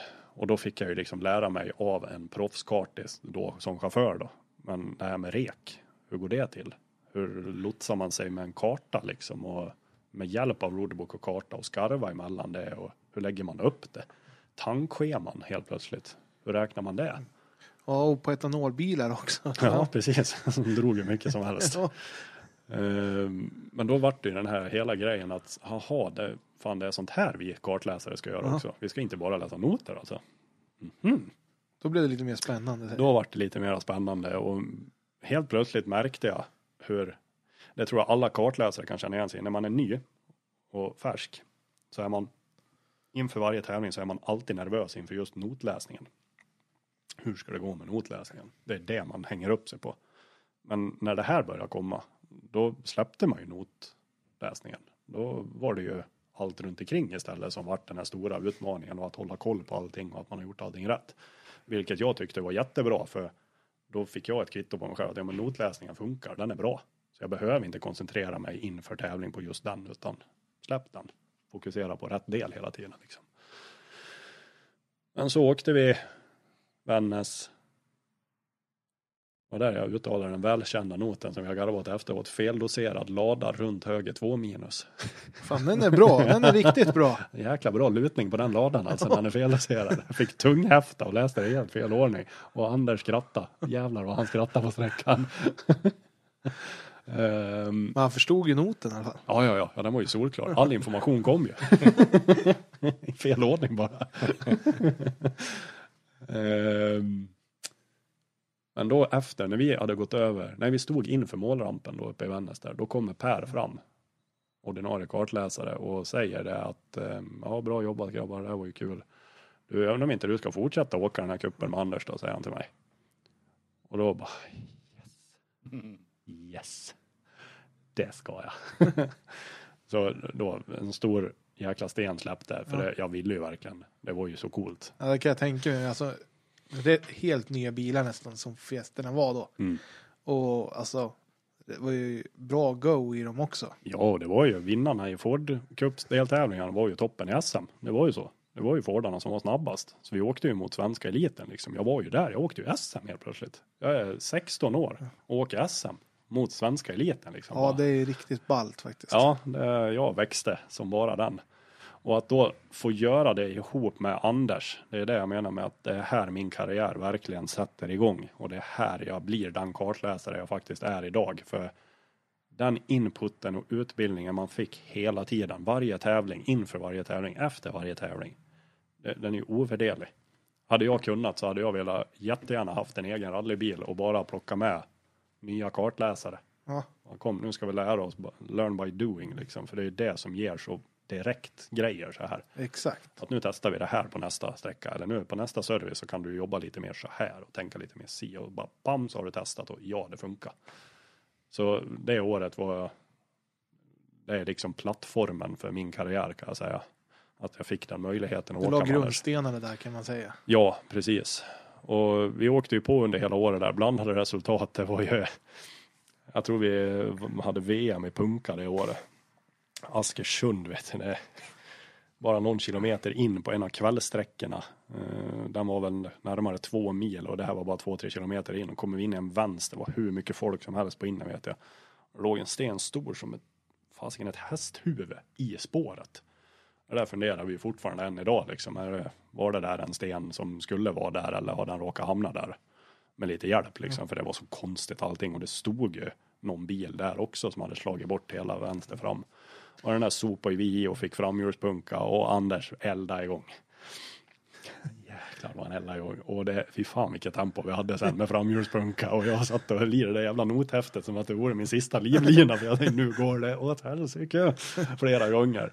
han hade ett riktigt bra påslag där. Och det, var sådär, det var något strul varje tävling, något så här småstrul. Var det inte punka så var det något lite halvkrångel med bilen. Så, så vi fick ju aldrig någon sån här riktig clean tävling. Nej. Um, samma tävling Askersund, då tog vi faktiskt våran första och enda sträckseger det året på Motorstadion i Hallsberg. Okej. Den Ja. sträckan lyckades vi vinna andra gången vi åkte den. Men då åkte vi alltså mer än halva tävlingen utan avgasrör för det hade vi slagit av. Så han brölade, han lät ju som en riktig värsting den här, den här lilla grupp N-fjutten. Kit Car Fiesta Flex. Kitcar plus plus plus. Det var jäkla vilket orr det var igen. Och det hördes ju ingenting inne i bilen. Så jag satt ju och gestikulerade notgraderingarna med fingrarna samtidigt som jag skrek noterna. Och jag vet någon gång när vi kom över ett lyft. Och då tror jag att jag var lite sen i liksom allting. Jag undrar om det var ett lyft och sen var det ett 60 eller ett 80 mått kanske. Och sen en vänster 3 minus. Och den där 3 minusen reflekterar jag över när det börjar kittlas i magen och jag inser att vi är i luften. Bara, nej, bara i luften och sitter och vevar och viftar och grejer och Anders skrattar för han hade koll. Han visste liksom, han kom ihåg från reken hur det såg ut där så han skrattade över min panik. Vet du. Det var mycket sånt där tok. Ja, det är härliga upplevelser och sådär. Ja, det var ju det då också i Vännäs, första SM Ja. där. Det var första sträckan på eh, Umeåtravet. Eh, och som sagt, Anders hade ju svurit lite i rikspokalen året innan. Men det som hände på Umeåtravet där, den var väl tre kilometer lång sträckan kanske. Tre och en halv. Första vänstern, det är start 120, sen är det vänster två minus i vägskäl. Så var det så här häststaket på hagstaket på ytten. Vi kliver ur spår där så vi är på väg att liksom åka understyra rätt ut i det där staketen. Man lyckas få upp honom på sladd och igenom. Och när vi är i Apex på, med styrstoppen, då börjar Anders Svens svärning 2.0 kan jag säga. För då, resten av sträckan satt han och svor över, fy fan vad halt det är och det är jävla skit alltihop. Och hela sträckan bara, ba, ba, ba, ba, ba. Och jag sitter där och läser mina noter liksom, vad ska jag göra? och så kommer vi i mål och sen lugnar det ner sig. Brintiden är väldigt kort. Men det, ja, det är nog fasiken sista, sista gången som han har blivit sådär riktigt arg. Det var två tävlingar i rad, sen, sen var det bra. Så. Sen var det bra. Det är tur att han är så himla glad emellan hans svordomar. Ja, det är ju tur. Alltså, Så man fick lära sig lite sånt också. Så det tackar jag för Anders. vi kunde alla svordomar sen. Jajamän. Ja, fint. Har du lärt honom några? Nej, nej. Nej, nej. inga alls. Nej, jag kan inga. Jag, Du, kan många nu när du Ja, ja, har lagt ja. alla hans på minnet. ja, men de ligger bara i minnet. Jag använder dem aldrig. Vi ska väl höra det senare här i programmet, tänker jag. Eh, ja, för sen det året var ju också en sån här min första riktiga wow. Är jag verkligen så här framåt liksom? Men för då lyckades jag vinna årets co-driver i Ford Flexi Fuel Cup. Det är bra. Ja, det var väldigt oväntat framförallt för både mig och Anders för jag åkte inte ens finaltävlingen för Anders tyckte det var så onödigt. Vi hade ingen placering att åka för så han tog med sig sin gamla kartläsare Per ner då. Så åkte de nere i Gullabo var finalen. Skulle åka lite asfalt och grejer där. Okej. Så ja. var det ju prisutdelning på kvällen där och sådär och då helt plötsligt ropade de upp mitt namn och Anders bara nej. Fan, jag som sa åt Kristoffer att stanna hemma den här gången. Så jag fick aldrig vara med där nere och ta emot priset. Men han ringde ju dagen efter och sa, du vet vad du vart igår? Du vart årets kartläsare. Och det baserar de ju på dels intervjuer, eh, på Engagemang kanske. engagemang. Ja, det var en av Ja. hållpunkterna faktiskt. Och så var det väl professionalism, heter det kanske? Och lite sånt där. Ja. Ja. bara sådana här grejer som kanske inte har med det praktiska mellan mig och chaufför att göra, Nej. utan helheten liksom.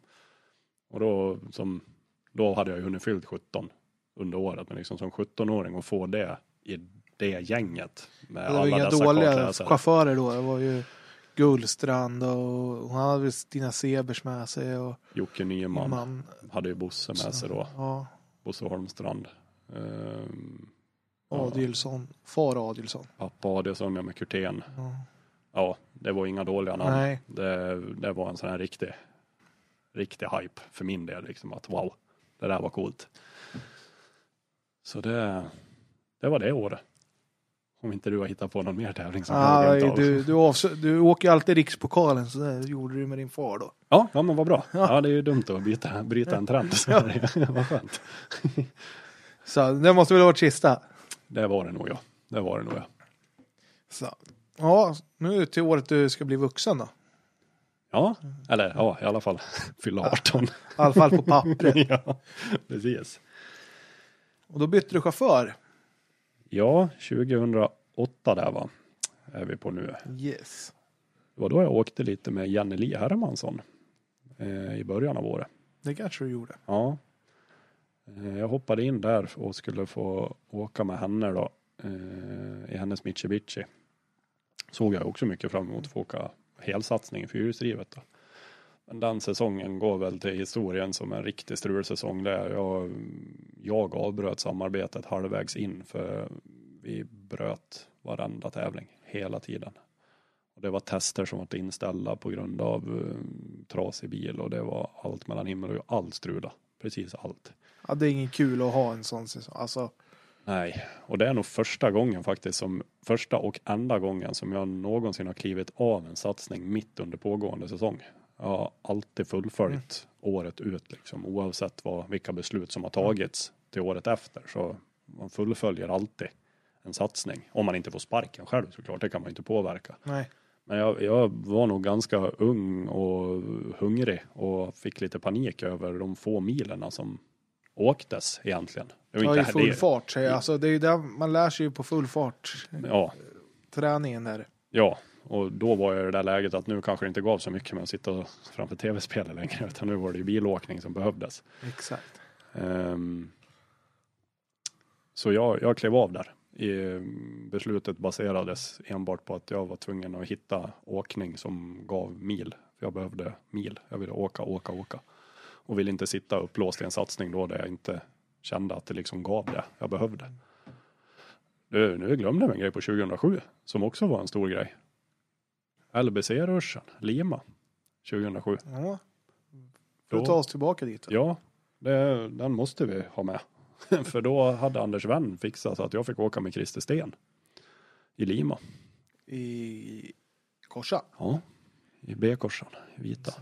Så um, det var en upplevelse. Det var ju första gången som man åkte med en chaufför som åker fruktansvärt jäkla fort. Och på en skyjäkla attack. På vägar som man känner till. Och fy fan, jag kommer aldrig glömma första sträckan där.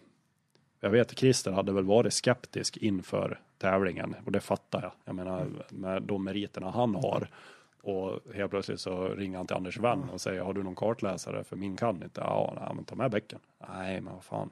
Eh, liksom 16-17 år, nej. Jag inte ta med det kommer funka. Tror det kommer funka? Jag vet att det kommer funka Anders. Så jag fick den chansen. Första sträckan, start upp 80. Vi hinner få i fyran, sen var det krön omgående höger 3 minus. Och Christer bara vräker in korsan liksom, inte ett släpp, bara vräker in den liksom och bam i vallen och tar stöd emot den. Vet jag, jag släppte ju not efter och höll mig stor, jag tänkte det här går ju åt helvete. Bara, mm, nej, det är tydligen så här man ska köra bil. Ja. och det var ju en skräckblandad förtjusning på första, för alltså jag trodde vi skulle åka av precis överallt. Precis överallt. Det är ju ett välkänt lyft i Lima. Vänster sex över lyft 60 och sen höger sex och du flyger bra där om du tar i. Christer, vi flyger och landar med mig i snövallen på andra och bara bam och det slår i vallen och det grejer och sen upp på vägen igen. Han räddade ut allting liksom. Det var ju lugnt så. Kommer i mål på sträckan. Jag är dyngsvettig. Han, han, det syns inte att han har kört bil liksom. Och det första han säger när vi passerar målskyltarna, helt cool, bara, mm, de hade plogat lite annorlunda över lyftet i år. Jag bara, vad fan, Stolle, jag trodde du skulle köra ihjäl mig liksom. För det var också sådär, ett uppvaknande att aha, det är så här det går när det går som värst liksom. ja. Alltså, vi var ju med i topp tre och krigade mot Wigren och åkte ju golf då va. Ja, det gjorde han. Och um, Leffe Pettersson Tunström åkte nog korsa då också. Ja, Gjorde han. Så det var ju det här gänget liksom och vi var ju med där och krigade så det var ju skitcoolt att få vara med och kriga mot de där herrarna liksom på riktigt. Men sen tyvärr så slutade det med snöskottning deluxe på långsträckan där. det blev så till Ja, slut. det var så till slut. Så min känsla var rätt men nej, det var, det var coolt. Men var, var han nöjd att han tog med det då? Ja, ja, ja, ja. Jag har åkt med Christer efter och jag fick en förfrågan av honom redan samma år också så att eh, han tyckte nog att det funkar riktigt bra. Ja. Så. Eh, han sa då inget annat där i alla fall. Nej. Så att, eh, men det var ju sån jäkla grej liksom att folk sa hela tiden, ja, nu ska du få åka fort. Ja, ja, ja, ja. Totalt livrädd in i första böj liksom. Hade jag, inte. jag fick brallorna neddragna rätt hårt kan jag säga. Men det var nyttigt. För eh, då, då har man liksom bockat av det också. Att bra, nu har jag varit lite rädd när jag hade Ja. bil också. Det, det var ju bra. Framförallt att man då inser att nu har jag lärt mig att känna när det går fort och inte. Ja, exakt. Alltså det, sitter, det kanske kommer lite mer i ryggraden då. Och skönt att det var vinter.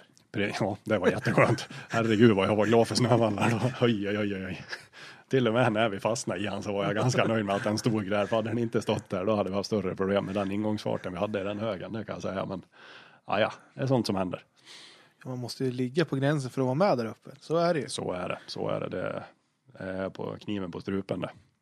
Men tillbaka till 2008 då. Eh, Jag klev ju av med Janneli där.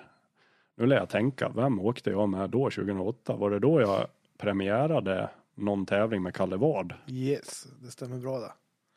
Kan vi ha åkt en tävling då, typ snapp, snapphane? Ja, exakt. För snapphanerallyt gick väl in då och vart en ersättningstävling för SM. Det var någon tävling som vart inställd det året. Och då tror jag snapphane skulle ha varit supercupen egentligen bara. Okej. Om jag inte missminner mig. Jag tror det var så. Och då gick de in och fick SM-status och ta. Det vart ju en endagars orekat. Det var som Kil. Eh, hade varit där 2006. Och Kalle hörde av sig och ehm, jag och vän framförallt diskuterade väl saken.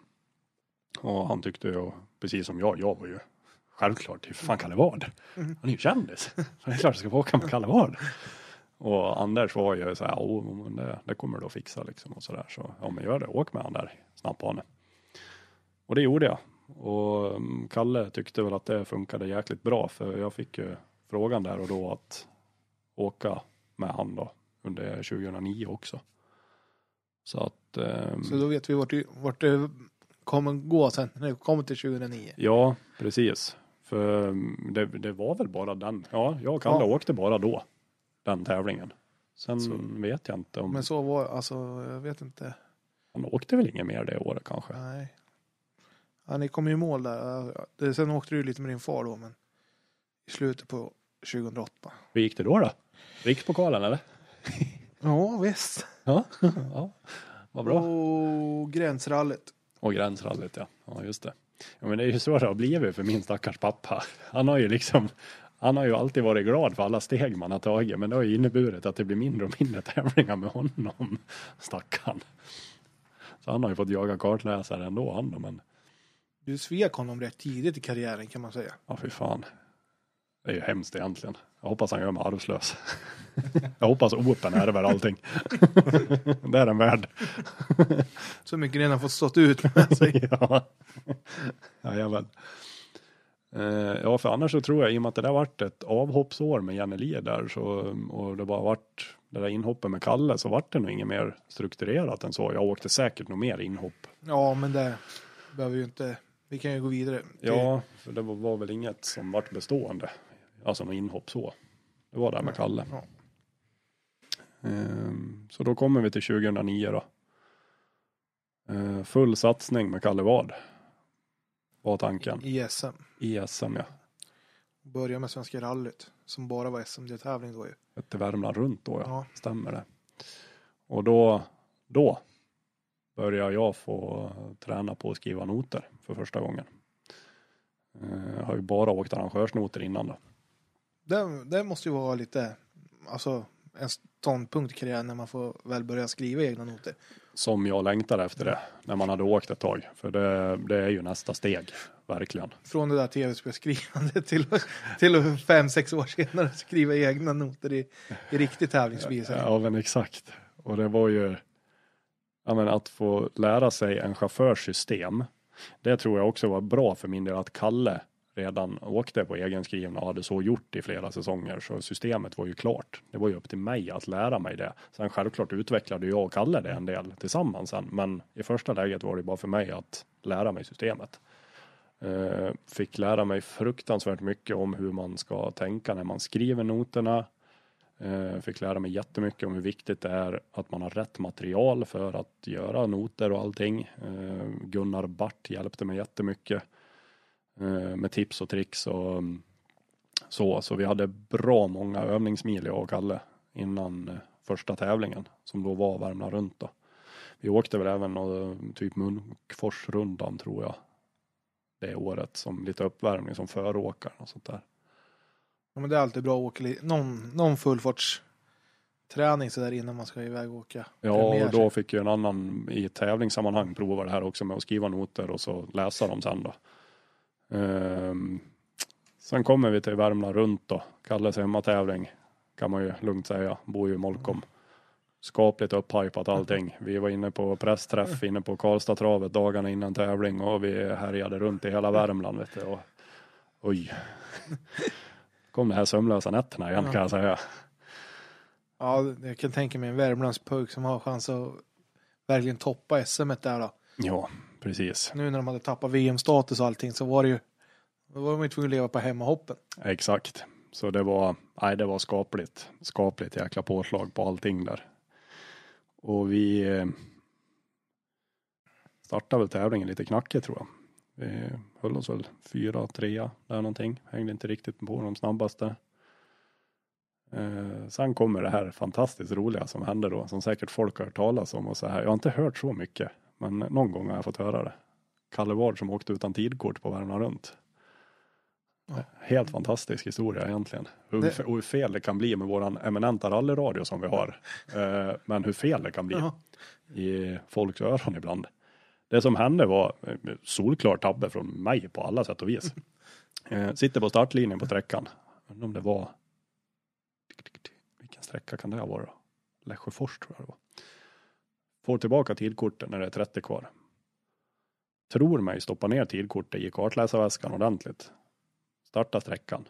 Tidkortet någon gång under sträckan hoppar ur kartläsarväskan och lägger sig under stolen. Det har inte jag en aning om då. Kommer i mål på sträckan. Fan, jag har tidkortet börjar leta i väskan och jag bara, vad fan är tidkortet? Kalle blir intervjuad av rallyradion där borta. Och så tittar jag i backspegeln och ser att det börjar linea upp, börjar bli kö bakom. Så då bara, nej, skriv min tid på en lapp bara så du har den uppskriven och ge mig lappen, ropar jag till han. Jag ville liksom få undan oss därifrån så att kan jag leta i lugn och ro. Det som sker ute i rallyradion är Kalle var det inget tidkort, sägs ut i etern. Sen åker vi fram och jag letar reda på tidkortet, går till bilen och lämnar tidkort och så. Vi åker i mål på tävlingen. Men Kalle var då och åkte utan tidkort. Hur fan kan han få åka tävlingen utan tidkort? Bara, Men det har vi inte gjort, det är omöjligt. Vi hade blivit uteslutna. Det här var liksom typ sträcka tre eller fyra av tolv. Kan ju liksom inte åka runt hela tävlingen utan tidkort. Ja, men vi chansar lite. Ja, men, Fan, vi, jag är ju hemma och åker för fan. Ja, precis. Ge mig en, ge mig en starttid va? ja.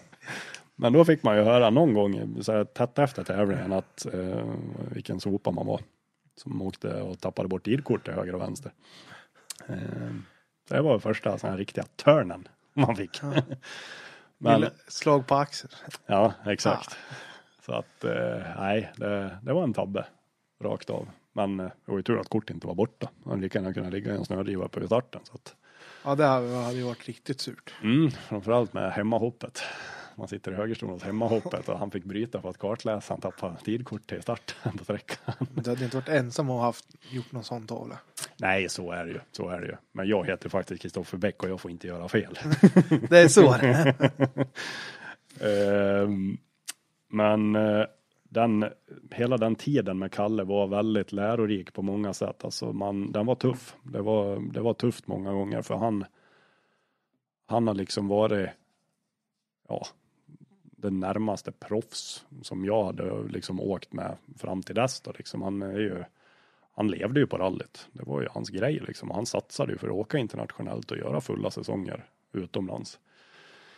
Så han ställde väldigt höga krav på allt. Det, du var tvungen att bli ett proffs och det var fort, annars hade du ingenting där att göra. Och det är bara att inse, så funkar det i rallybranschen. Liksom, när du är uppe på topp, du har krav på dig, det måste funka. Eh, men jäklar vad både lärd, upplärd man vart och jävlar vad stark man vart av det. Av alla utskällningar ska jag inte säga, men självklart vart det dispyter för att jag inte levererade det han ville ha. Jag var fortfarande färsk. Ja, du var ju 18, du fyllde 18 här året ska ju tilläggas. Så. Precis, men jag var ju det där inom situationstecket stjärnskottet inom branschen som ändå hade åkt ganska mycket SM trots att han var så ung. Men med tillägg, jag hade absolut inte den rutinen som framförallt Kalle hade behövt ha. Eh, tror jag. jag. Jag tror inte jag hämmade han, men jag gav han inte fullt ut det han behövde. Han, han tog lite av din bit också att styra med det eller? Ja, i början så gjorde han ju det, men det var ju då man fick höra rätt så bestämt att det här ska jag inte hålla på med, det här får du fixa. Jaha, okej. Mm. Då börjar man ju fixa med sånt, med allt runt omkring liksom. Med boka boenden och det var då man började planera hela tävlingen. Det var då man tog på sig den här koordinatorbiten och riktigt ordentligt för första gången och fick börja köra på det. Så det var jättebra på alla sätt och framför allt så är det ju där grunden ligger i min kunskap om att skriva noter. Jag lärde mig jättemycket om notskrivning på det. Eh, Som jag sen har tagit med mig vidare i karriären då. Så mm, jag värderar tiden med Kalle jättehögt på alla sätt. Det kan jag förstå och få.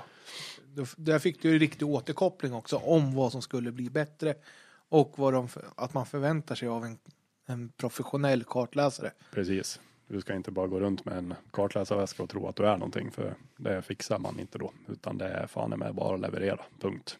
Och där fick jag också på riktigt, det har man väl vetat hela tiden, men där fick man på riktigt lära sig att det är faktiskt så här att det är chaufförens satsning. Det är chaufförens ansikte som ska synas utåt. Det är han som drar in pengarna. Det är oftast de som ligger och krigar i garagerna dag och natt för att vi överhuvudtaget ska komma till start jag som kartläsare ska inte förvänta mig att få en jäkla millisekund i rampljuset. Självklart så ska vi lyftas fram som vi gör idag mer än någonsin. Men vi kan inte förvänta oss det och vi får absolut inte sitta och bli sura för att vi inte blir framlyftna i rampljuset. För vi måste se det från chaufförens sida och från medias sida också. För det är som jag säger, det är chaufförens satsning. Vi är en bidel i satsningen på den nivån likväl som däcken eller mekaniker. Liksom. Alltså vi, vi är utbytbara. Det ska vi verkligen veta. Funkar det inte, då sitter vi inte kvar i den stolen. Nej. Och speciellt inte om du inte kommer in med något ekonomiskt stöd till chauffören heller. Alltså, Precis. att du, är, du, du har ju blivit tillfrågad för att du, du är duktig på det du gör. Exakt. om du inte är duktig på det du gör längre så finns det andra som knackar på dörren. Ja, ja, ja. Jo, men så är Det det. är som att ha ett däck som inte fungerar. Om du åker ett däckmärke och sen är det här. Alltså vi kör ju punka var och varannan sträcka. Nu är det fan dags att prova något nytt i Mm. sådana fall. Ja, men det är så. Och det, det tror jag många av oss kartläsare behöver landa lite i att liksom tagga ner lite på den här punkten med att vi måste synas och höras överallt. Liksom leverera bra jobb istället och fokusera på eran bit och sen vi får den här glansen ändå. För vi syns överallt ändå. Ja, men det är ju han som åker med han som är så jävla snabb. Ja. Automatiskt så är du en duktig kartläsare i det snacket. Vi behöver inte stå och hävda oss. Gör ett bra jobb, se till att teamet är bra så att vi levererar bra resultat. Då får du det ändå. Det är min filosofi på det i alla fall. Jo men med, med medgång så kommer ju alltså, uppmärksamheten också till båda. Så ja, är det ju. ja. Ja. Och jag menar, uppdragen jag har fått och de äventyren jag har fått, det har jag inte fått för att jag har gått runt och gapat och skrikit att jag är en duktig kartläsare. Det är för att jag har suttit med chaufförer som har gjort bra resultat. Då blir mitt namn upphöjt. Det är bra reklam. Så är det och som du säger, alltså, jag tycker du har en väldigt sund syn på det hela också. Att ibland så kanske det inte, alltså ibland är ni gör ett så fruktansvärt mycket jobb. Men som du säger, det här med att dra in pengar, skruva med bilen, ta sig till, alltså, ta sig till start i en tävling är inte bara för chauffören. Säg. Nej, men det är ju inte det. Alltså, det är som, vi kommer ju till en säsong längre fram när jag åker med en som heter Niklas Pettersson. Han sa ju det att jag tycker att alla som överhuvudtaget kommer till start i en SM-tävling, om det så är en, de ska fan ha en applåd. För det är ett jäkla slit att få till en start. Med allt vad det innebär.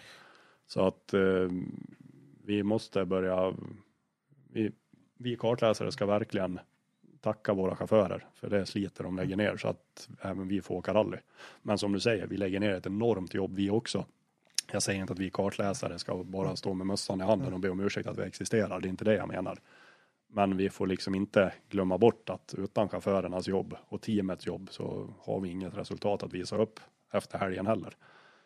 Så det, Så är det och ni fortsätter ju åka, du och Kalle, under säsongen här. Mm, vi gör det. Vi krigar på i SM där eh, med blandade resultat. Sydsvenska tror jag blir den sista tävlingen för då det var då multiremmen hoppade av.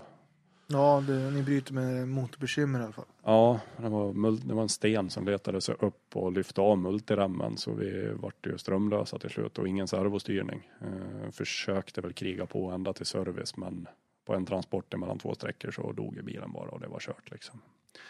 Och det var tråkigt. Den tävlingen gick bra. Den, vi hade bra speed och bra samarbete i bilen och så att eh, det var surt. Sen eh, vill jag minnas att vi gick skilda vägar efter den tävlingen faktiskt. Det kan mycket möjligt stämma för det finns inga finns inget annat i research som säger att du Nej. åkte med honom mer sen. Nej, och nu är vi som sagt, ja vi är på 2009. Ja. Jo, vi gick skilda vägar då. Jag kände dels att jag, eh, som jag sa, jag kunde inte ge Kalle det han behövde. Han, han var helt inne på att jag skulle vara kvar. Liksom. Det var inte han som kastade ut mig på något vis så och han har absolut inte liksom, gjort något dumt överhuvudtaget så liksom. Men jag kände på att det, det här går inte för Kalles del liksom. Jag, fan, jag har inte rutinen som behövs. Han ska liksom inte lära upp mig utan han ska ha någon stabil med sig som kan lära honom kanske och bara vara en stabil punkt liksom. Så det vart väl lite diskussioner där när jag sa upp mig. Ja, i och för sig, då ljög jag ju förut. Jag har ju hoppat av mitt under en säsong till, en gång till då. Men, Men om eh, man ska göra så är det lika bra att göra det två år i rad. Ja, ja, ja, ja, visst om man ska vara sådär jävla svinaktig. Nej, men det var, det var mycket diskussioner då när jag sa upp mig, men jag stod fast vid mitt beslut och så, så vart det. Sen slutet på 2009, då tror jag nog att jag åkte lite med farsan då igen då och sen, Ja, du vände tillbaka hem till Dalarna och åkte lite med Anders och lite med din far. Och... ja just det, just det, just det. Claes Molin.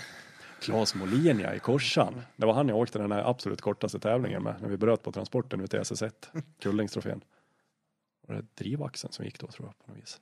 Spännande. Ja, Utan påfrestning. Ja, jag har för mig att det var något sånt, eller om det var någonting med växel. Claes Molin har ju en eh, specialbyggd Eh, växellösning. Ett system där han har paddelväxling. Han har eh, problem med en arm. Så eh, han, ja, muskelmässigt sett så är han väl typ enarmad kan man säga. Så han har ju liksom ingen kraft i, i högerhanden riktigt så. Så på en sån här vanlig traktiv låda, det är för tungväxlat liksom i den rörelsen. Så han har ju ritat något eget system inspirerat av han rallycrossåkaren tror jag. Ja, Mats Öhman där. Ja, jag tror det är lite inspirerat av det systemet. Så har han trixat och fixat med det där och donat och grejer och fått till en paddelväxlinglösning på den där korsanden som han hade. Det var rätt coolt. För det var ju en traktivlåda och det med ett litet finger så det bara smäller i hela bilen liksom. Så det var jäkligt ballt hur det där funkade. Så jag åkte med han Kullingstrofén vet jag och sen åkte vi även i kan det vara Götene kanske? Det kan nog stämma. Och mm, det var också en rolig erfarenhet, en ny, en ny personlighet att träffa som jag tycker väldigt mycket om. Claes är en fantastiskt bra människa. Så att, eh, och bara en till ny erfarenhet, en ny chaufför att få åka med. Så det, det var kul, men jag misstänker att 2009 då var lite sådär inhopp. Mellanår också. Ja, Alltså, det vart ju så där då. Ehm, sen, ja det var nog inget mer där va? Nej. Jo förresten, du åkte rikspokalen. Med en ny chaufför. Vem var det? Kan det ha varit Jonathan Emanuelsson? Det stämmer bra. Stämmer det? Ja jäklar, ja just det. Hans 940 där ja, Exakt. just det. Ja men jag åkte ju rikspokal i alla fall, det är bra. Ja, men det är ju ditt- det är återkommande för dig. Det behöver vi inte ta varje år. Jag måste ju få ett eget pris där tycker jag det låter som. Ja, nästan. Stamgästpriset. Så. Men sen till 2010 då, hur gick tankarna då? Hade du något klart då eller? Mm, nu lär jag tänka, nej. Jo, det hade jag. Just det. Då vart jag kontaktad av, i och med att under tiden med Kalle där, så vart jag en del av juniorlandslaget. För han var ju en del av det. Så då vart Ja. jag också med i det. Och då var det Anders Davidsson, då förbundskapten, som hörde av sig till mig om en chaufför uppe från eh, Brunflo utanför Östersund, Oskar Brorsson. Ehm, ja, Anton Brorsson är hans brorsa som åker ganska fort i virtuellt. Ja just det, ja. Ja, det är Oskar är då Antons storebror. Yes. Eh, de skulle upp till Rissna och ha en eh, testsession där med landslag och det var väl, jag tror Oskar hade blivit uttagen till landslaget året innan då, på hösten där. Så då, och Oskar behövde ha en rutinerad kartläsare. För han skulle satsa på SM då med en Fiesta ST. Så jag åkte upp dit, vi åkte testet ihop, jag och Oskar, det var första gången vi träffades. Kom bra överens, testet kändes kanon. Och vi bestämde väl ganska snabbt att vi ska åka ihop.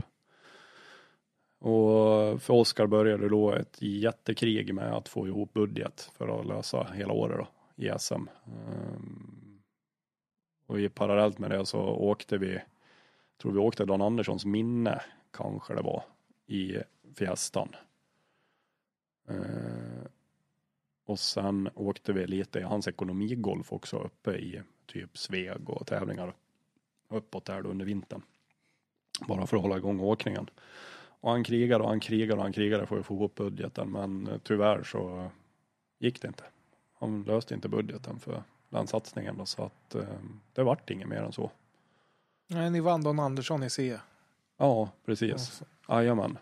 Och så, alltså det var så synd för Oskar är en sån jäkla förartalang. Fruktansvärt duktig chaufför. Ehm, det hade absolut kunnat blivit någonting men det som jäkla pengarna. Så är det ju. Alltså, och man, det är bra att man ser att man har begränsningar också. Att, att man inte kör på.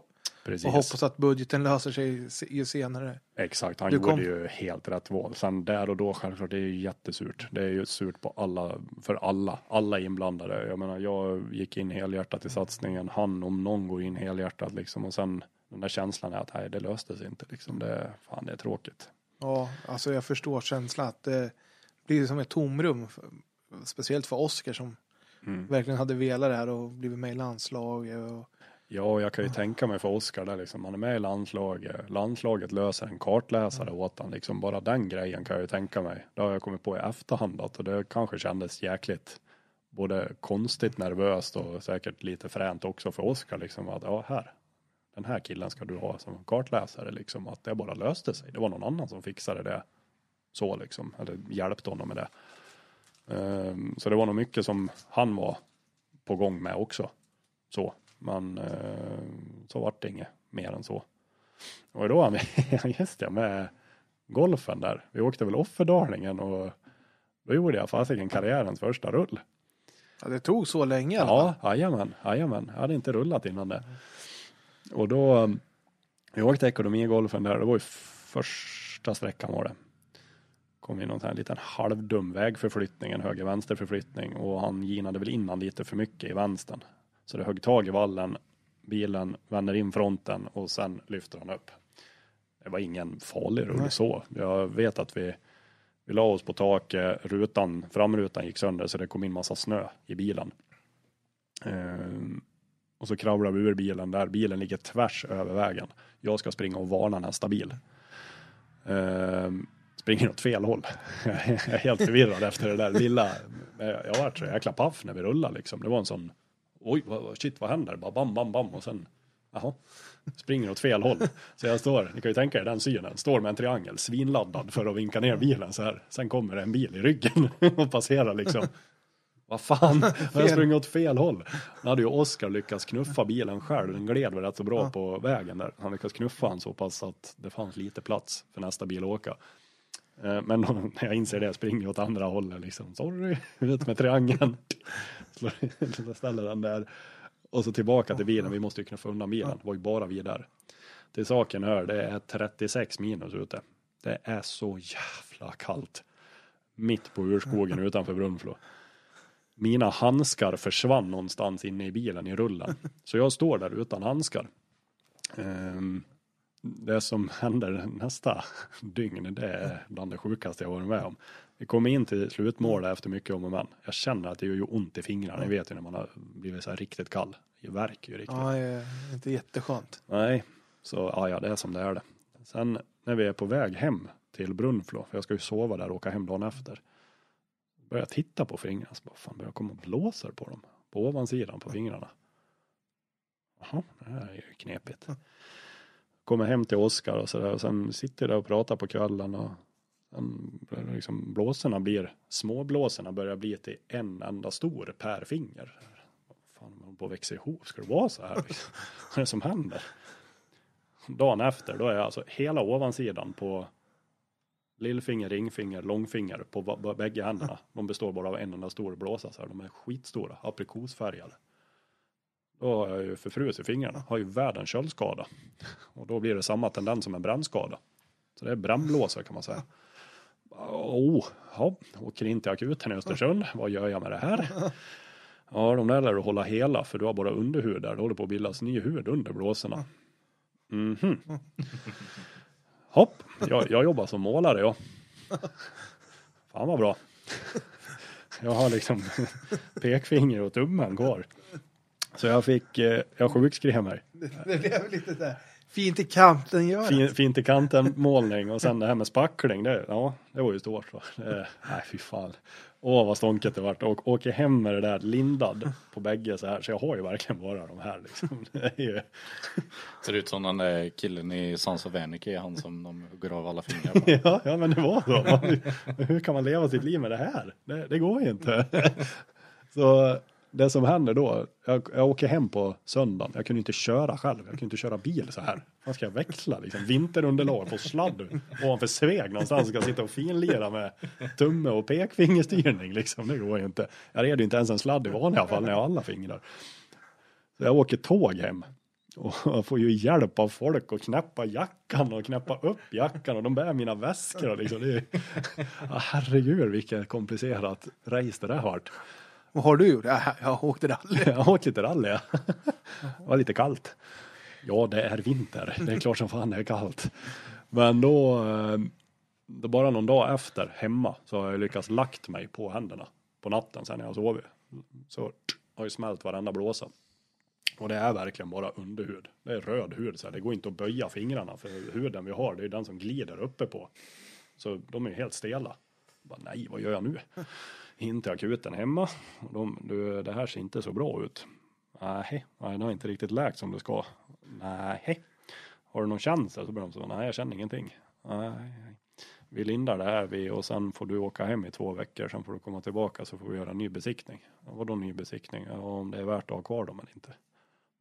Oh, You say what? ja exakt så. Så jag fick åka hem och gå runt i två veckor och vänta på besked huruvida jag behövde amputera sex fingrar eller inte på grund av en köldskada. Åh fy fan. Alltså de två veckorna måste ha varit långa. Fy fan ja. Usch. Det var, det var jobbigt på Ja, riktigt. för kan jag- liksom, vad gör jag om jag måste ta bort dem? Jobba kan jag inte göra. Jag, jag vet min dåvarande svärfar, han var snickare. Han fick eh, fixa lite gipsskivor så jag fick prova och spackla med bara det här. Så jag verkligen fick liksom, går det här ens liksom? Ja, herregud vilka funderingar. Men ehm, det gick bra. Jag gick igenom besiktningen. Som tur var. Ja, vi ser ju här att du har alla fingrar kvar. Ja, inte en enda protes. Och det är jag jätteglad för, för jag behöver dem verkligen. Så, men det var också en sån här knepig grej, liksom att ja, men det, karriärens första rull, självklart ska det sluta med en köldskada och potentiellt amputerade fingrar. Liksom, och bara kom igen. Kan vi inte göra det lite enkelt liksom? Ja, Rullet gick bra men Precis, efter, efter eh, matchen gick inte så bra. den gick jättedåligt. Så sen dess har jag alltid mina vantar i eh, stolen. Jag sitter alltid på vantarna på vintertävlingarna. Så oavsett vad som händer så vet jag att vantarna ligger där de ska ligga och att jag kommer åt dem.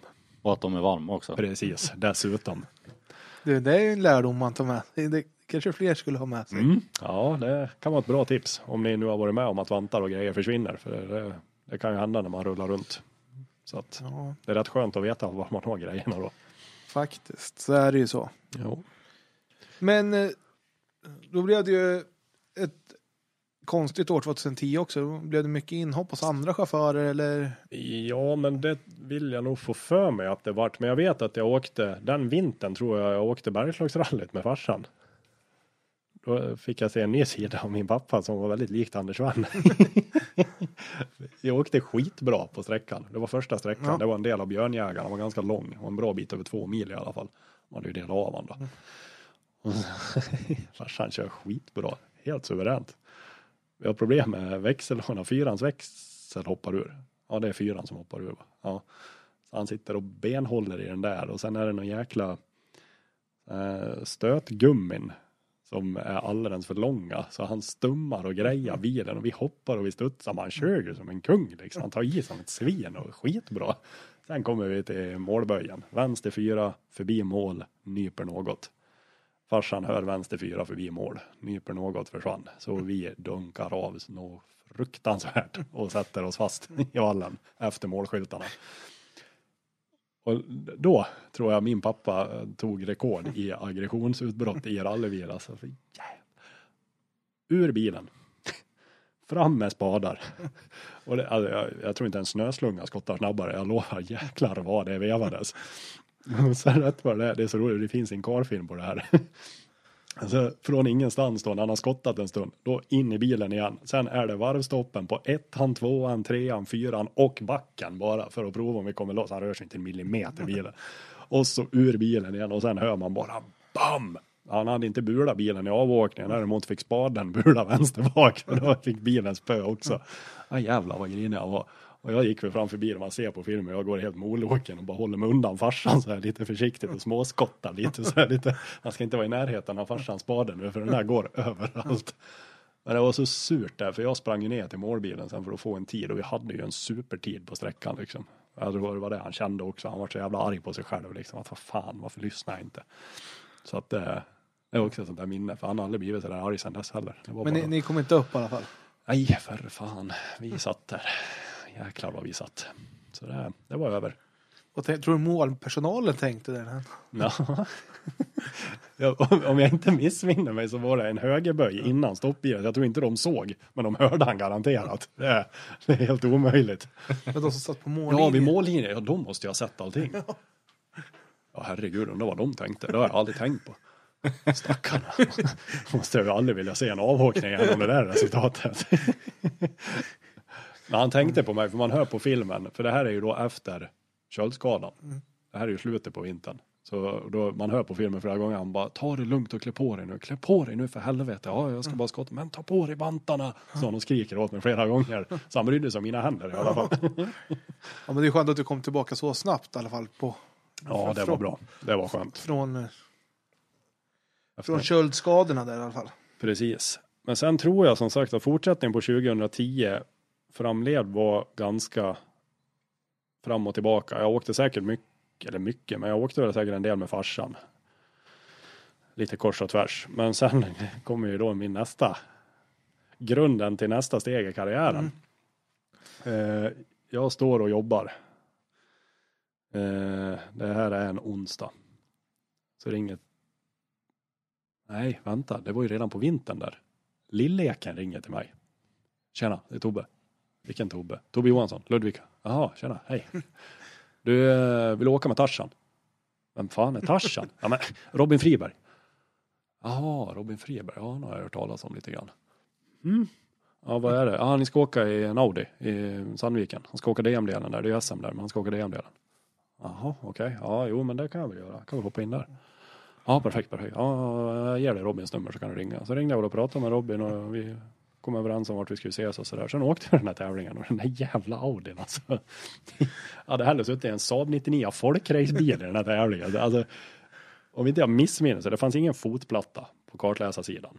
Det hade ingenting att spjärna. Jag hade ingenting att spjärna emot. Bältena var nog specialare som inte alls kändes så här hundra säkra liksom. Robin Friberg i team med pappa Friberg som hade sina hetska diskussioner, så här riktiga pappa-son relationsdiskussioner liksom. Det är hetsat liksom. Och jag bara, jaha, ja det här blir kul. Första sträckan. Gick bra. Robin åkte med bra påslag. Vi hade en kanontid vet jag. Jag liksom visste ju inte liksom hur ska en sån här bil köra. Det är ju en fyrhjulsdriven Audi 80 var det väl. Det går kanske att jämföra med Legacy någon- Ja, men, någonstans. ja precis. Det är ju det närmaste. Men eh, andra sträckan sen då. det börjar med att vi kommer utför. Det är typ 600 rakt utför och sen är det en vinkel vänster där nere. Och Robin skriker väl när vi har 150 meter kvar. Jag har inga bromsar. Nej men fy fan vad bra. Så det fanns väl liksom. Det var plogat en liten, liten bit rakt fram men absolut inte hela vägen. Och hur han fick stopp på den där vet du. För han började väl motorbromsa och greja och stampa på alla pedaler och lyckades ju få hejd på honom så i alla fall bara passera vägbytet. Vi kunde backa upp igen. Och så vänster och så iväg. En bit bort sen, då total katastrof. Det börjar med att vi kommer ur skogen så kommer du upp på ett fält. Och precis där du går ut på fältet, där var det en lång vänster in i en höger. I ingången på den där vänstern, där står det någon jävel och monar på vänster sida och sular en snöboll emot bilen. Så Robin tappar ju fokus och vi brakar ju av i högen så det bara sjunger om det. Sen då hade väl han slutat lyssna för länge sedan. Så de skottade väl upp oss därifrån i alla fall och så knallade vi ju vidare liksom för vi hade ju typ inga bromsar alls så vi bara smög igenom och sen bröt vi efter sträckan. Och det var liksom min det var min premiär med Robin Friberg. Då ska vi säga, han är alltså han är lätt påverkad för blekfeta stjärtar ute i skogen alltså. Det, får han att tappa fokus. Och sen är han definitivt inte blyg för att gasa. Det var det jag konstaterade liksom på den tävlingen. Men för mig var det här var ju bara ett inhopp liksom och vi sa ju inget mer. Jag sa till Robin, ja det var ju kul så länge det här var. Ja för fan sa han, det var kul. Det får vi göra om någon gång sa han. Ja absolut. Sen var det inte inget mer med det. Sen gick ju, vintern tog ju slut och så vart det väl, började närma sig våren där. Då står jag och jobbar den här onsdagen och telefonen ringer. Hej Kristoffer, det är Robin. Hej Robin. Du, eh, vad ska du göra i helgen?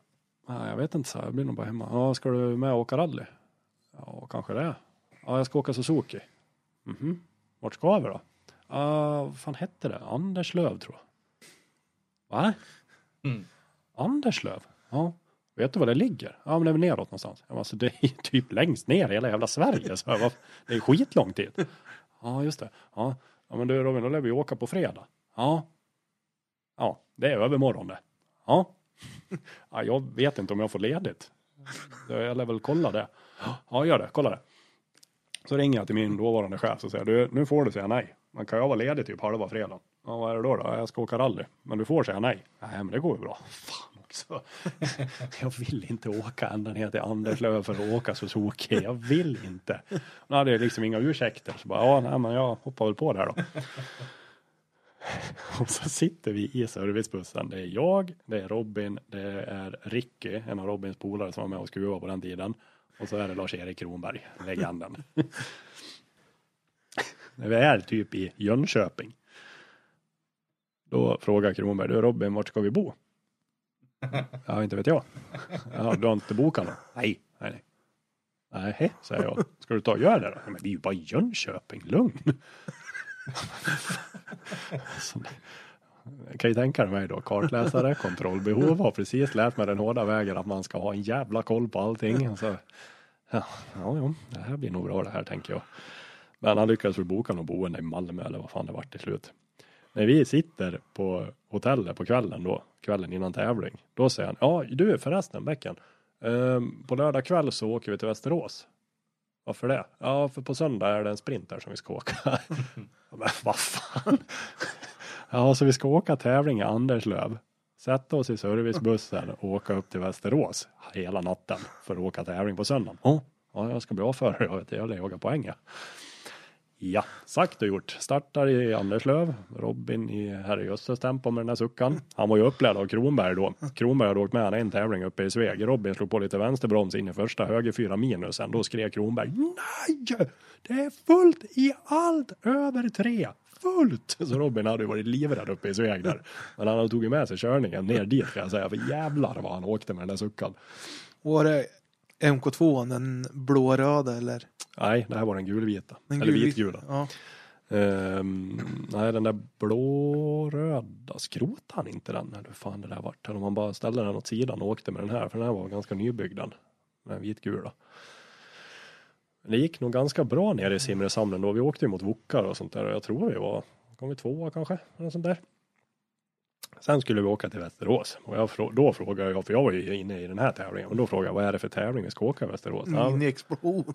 ja men det var Parallell-race typ. Nej, det var flera olika specialprov. På, en var på stadion och sen åkte man en bit och sen åkte man ett annat prov på något annat typ industriområde och sen åkte du tillbaka igen liksom. Det var en jäkla märklig tävling. Om jag inte missminner mig. Men eh, det var ju mycket asfalt så Kronberg smackade ju på slicks och grejer på den där suckan ner i Anderslöv innan vi lastade över. Nu jävlar, nu ska vi vinna. Men Robin var ju skitnöjd där nere för han hade ju fått uppklassningspoäng så nu skulle vi till Västerås och vinna lite mer uppklassningspoäng. Perfekt. Och jag kände liksom, vad fan, alltså jag vill, jag vill, vad fan, jag vill inte åka en sprint. Jag, jag är inte upplagd för det här, jag orkar inte. Somnar i bussen, vaknar, har ju sovit som ett lass skit på golvet i en servicebuss med typ Robins fot på mig för att han höll på att ramla ur soffan ovanför mig liksom. Alltså det var ju katastrof. Kliver ur bussen och bara, ja nu ska vi in och anmäla oss. Jag är helt sopslut, totalt slut här. Går in och anmäler oss, får den här skissen över de här specialproverna. Jag tror jag aldrig har läst ett notsystem som har varit lika komplicerat som det här jävla specialprovet. Alltså du skulle runt en kon två varv. Sen skulle du ut på banan igen. Sen nästa kon skulle du runt två varv. Sen skulle du tillbaka till första ett varv. Sen ut och så åka en slinga och sen tillbaka till andra konen tre varv. Jaha, ja, fel utfört prov, maxtid. Bara, Men hur fan ska jag hålla reda på allt det här? Totalt sopslut och jättetrött. Och så kommer vi ut från anmälan, går till trailern. Då hör vi hur suckan står och motorknackar på trailern. Du Ja. bara yes. Jag har aldrig blivit så glad över ett motorras någon gång i hela mitt liv. Och jag såg på Robin att han också bara skönt. Jag tror inte han var upplagd heller för det där. Hade börjat bra. Antingen så hade ni slagit runt där inne på slixen. För det hade varit så jävla mycket mer fest. Var sucka på alla män. Ja. Hade ju rest direkt. Jaha. Här, här ligger vi nu. Ja. Det var jävla mycket uppklassningspoäng vi tog här. Risken är jättestor att det hade blivit så tror jag. Nej, så vi var så glada jag och Robin. Jag var nog lite gladare faktiskt. Men vi, vi fick åka hem i alla fall. Det vart ingen Västerås-tävling. Så det var väl bra. Tycker jag. Ehm, sen senare det året, då gjorde Robin SM-premiär. Med Suckan. Skulle vi åka SM. Sydsvenska. Jävlar, det här blir fränt bäcken. Mm. Det blir det. Du, du ser lite så här skräckblandad förtjusning mot den här suckan. Ja, herregud. Ja, men en sucka är skitfrän, men med en galning som var odödlig liksom. Han var ju helt vild i den här suckan Robin. Vet du. Och vi åker det och jag och Robin pratar veckorna innan tävlingen. Jag säger det liksom, ja men har du koll på att du måste ha, det var ju krav på hansskydd och grejer då, bara i SM. Och rätt overall och allt det där var ju jätteviktigt. Alltså har du koll på allt det där? Så bara, ja men mina grejer blir godkända, men jag tror inte overallen är det och du har ju ingen hansskydd så du måste ju skaffa någon sån. Ja men det har jag lånat, jag lånade av Skölla, han har lite över hansskydd och hjälm och grejer. Ja bra. Ja men du tar med en reservoverall om du har en sån utifall. Ja mycket riktigt, eh, hans overall var inte godkänd liksom. Så han fick ju ha en lånoverall av mig. Och då, det året var upplägget på Sydsvenska så här att vi rekade torsdag. Eh, ja, hela torsdag. Sen torsdag kväll åkte vi Millebygden, publiksträckan där, två vänner. Sen fredag morgon var vi ute och reka igen. Och sen startade vi de riktiga skogssträckorna på fredag kväll. Sen löpte tävlingen på. Så det var ju lite så här speciellt upplägg. Men i alla fall så när vi åker Millebygden där med den här suckan. Robin har aldrig åkt SM. I min alldeles för stora låneoverall. Och en alldeles skulle det visa sig för stor hjälm också. vi drar iväg på Millebygden. Full jävla makaron. Vet jag. Alltså, jag har åkt Millebygden många gånger. Jag vet inte fan om det. Jo, det gick fortare med R5, men påslaget var inte i närheten med R5 som det var med den här suckan. Alltså. Det hoppade och det studsade och det flög och det greja vet du. Och klappfullt överallt, bara vred upp han liksom. Sen avslutade sträckan med en vänstertrea över lyft. Ja, det är. Och där vi åkte 2018. Ja, vänsterlyfte. Ja, precis. och så kommer du ner på platå eller serviceplatsen som det var då. Men på den tiden så var det ju, då hade han ju inte sådär öppet nere vid serviceplatsen. Där var det två stenmurar som var där. Och Robin bara vrider upp han över vänstertrean över lyftet där. Landar, får ju rattfladder deluxe. Så han går ju som en jävla flipperkula emellan stenmurarna. Alltså man sitter bara åh! Och det hinner ju precis vingla in emellan målskyltarna att vi inte körde ner fotoceller vet du. Och det första han säger när han väl har rättat upp bilen och vi är liksom nästan framme vid TKB. Fan jag hör ju inga noter, hjälmen är ju för stor. Hållt fullt precis överallt ändå din jävla idiot. Vad fan. Så vi kom i mål på sträckan så var det ju då alltså ett uppehåll, ett serviceuppehåll på en timme. Sen skulle vi åka sträckan igen. Jag tar upp telefonen. Robin, vi är tvåa i otrimmat. Det var bara Jonas Olsson före oss med, med S3. Vi hade åkt ifrån Viktor Henriksson med R2 Fiestan. Jag kom ihåg till och med Tony Sundqvist som åkte med Leffe Pettersson och kom fram och var lite orolig och ville kolla min tid. Så det var ju så här helt sjuk tid vet du. Alltså fan det här är ju inte möjligt liksom. Så folk började ju liksom redan då få upp ögonen för herr Friberg. Ja. Vad är det här för liksom lirare? Och sen åkte vi andra vändan, då slog vi ju punkan när det var någon kilometer kvar på sträckan. Men det sket ju Robin i, det var ju full snurr ändå. Så då understyrde det ju dessutom över det jävla lyftet. Men han hade ju inte ett släpp för det liksom. Och landa och samma rattfladder igen emellan de jävla stenmurarna. Vad håller han på med? Det var lite kul där, för då på fredag morgon när meckarna, då var ju vi ute och reka igen. Då satt meckarna på hotell och käkade frukost. Då var det så här på TV4 lokalnyheter hade de gjort reportage om eh, sträckan som hade gått. Det var två bilar de filmade. Det var Mats Östberg med Subaren som var totalsnabbast och sen var det vi med Suckan som fick vara med på TV4. med vårat rattfladder och dynglyft så här. Så att eh, det var lite coolt. Ehm, sen, ja men hela den här tävlingen är ju helt fantastisk. När tävlingen väl startar sen. ehm, vi åker någon Bytte skogssträcka. han hjälm eller? Ja, vi bytte. Så, Vi- så jag hörde knappt någonting, men han hörde ju mig i alla fall. Så han fick ha min.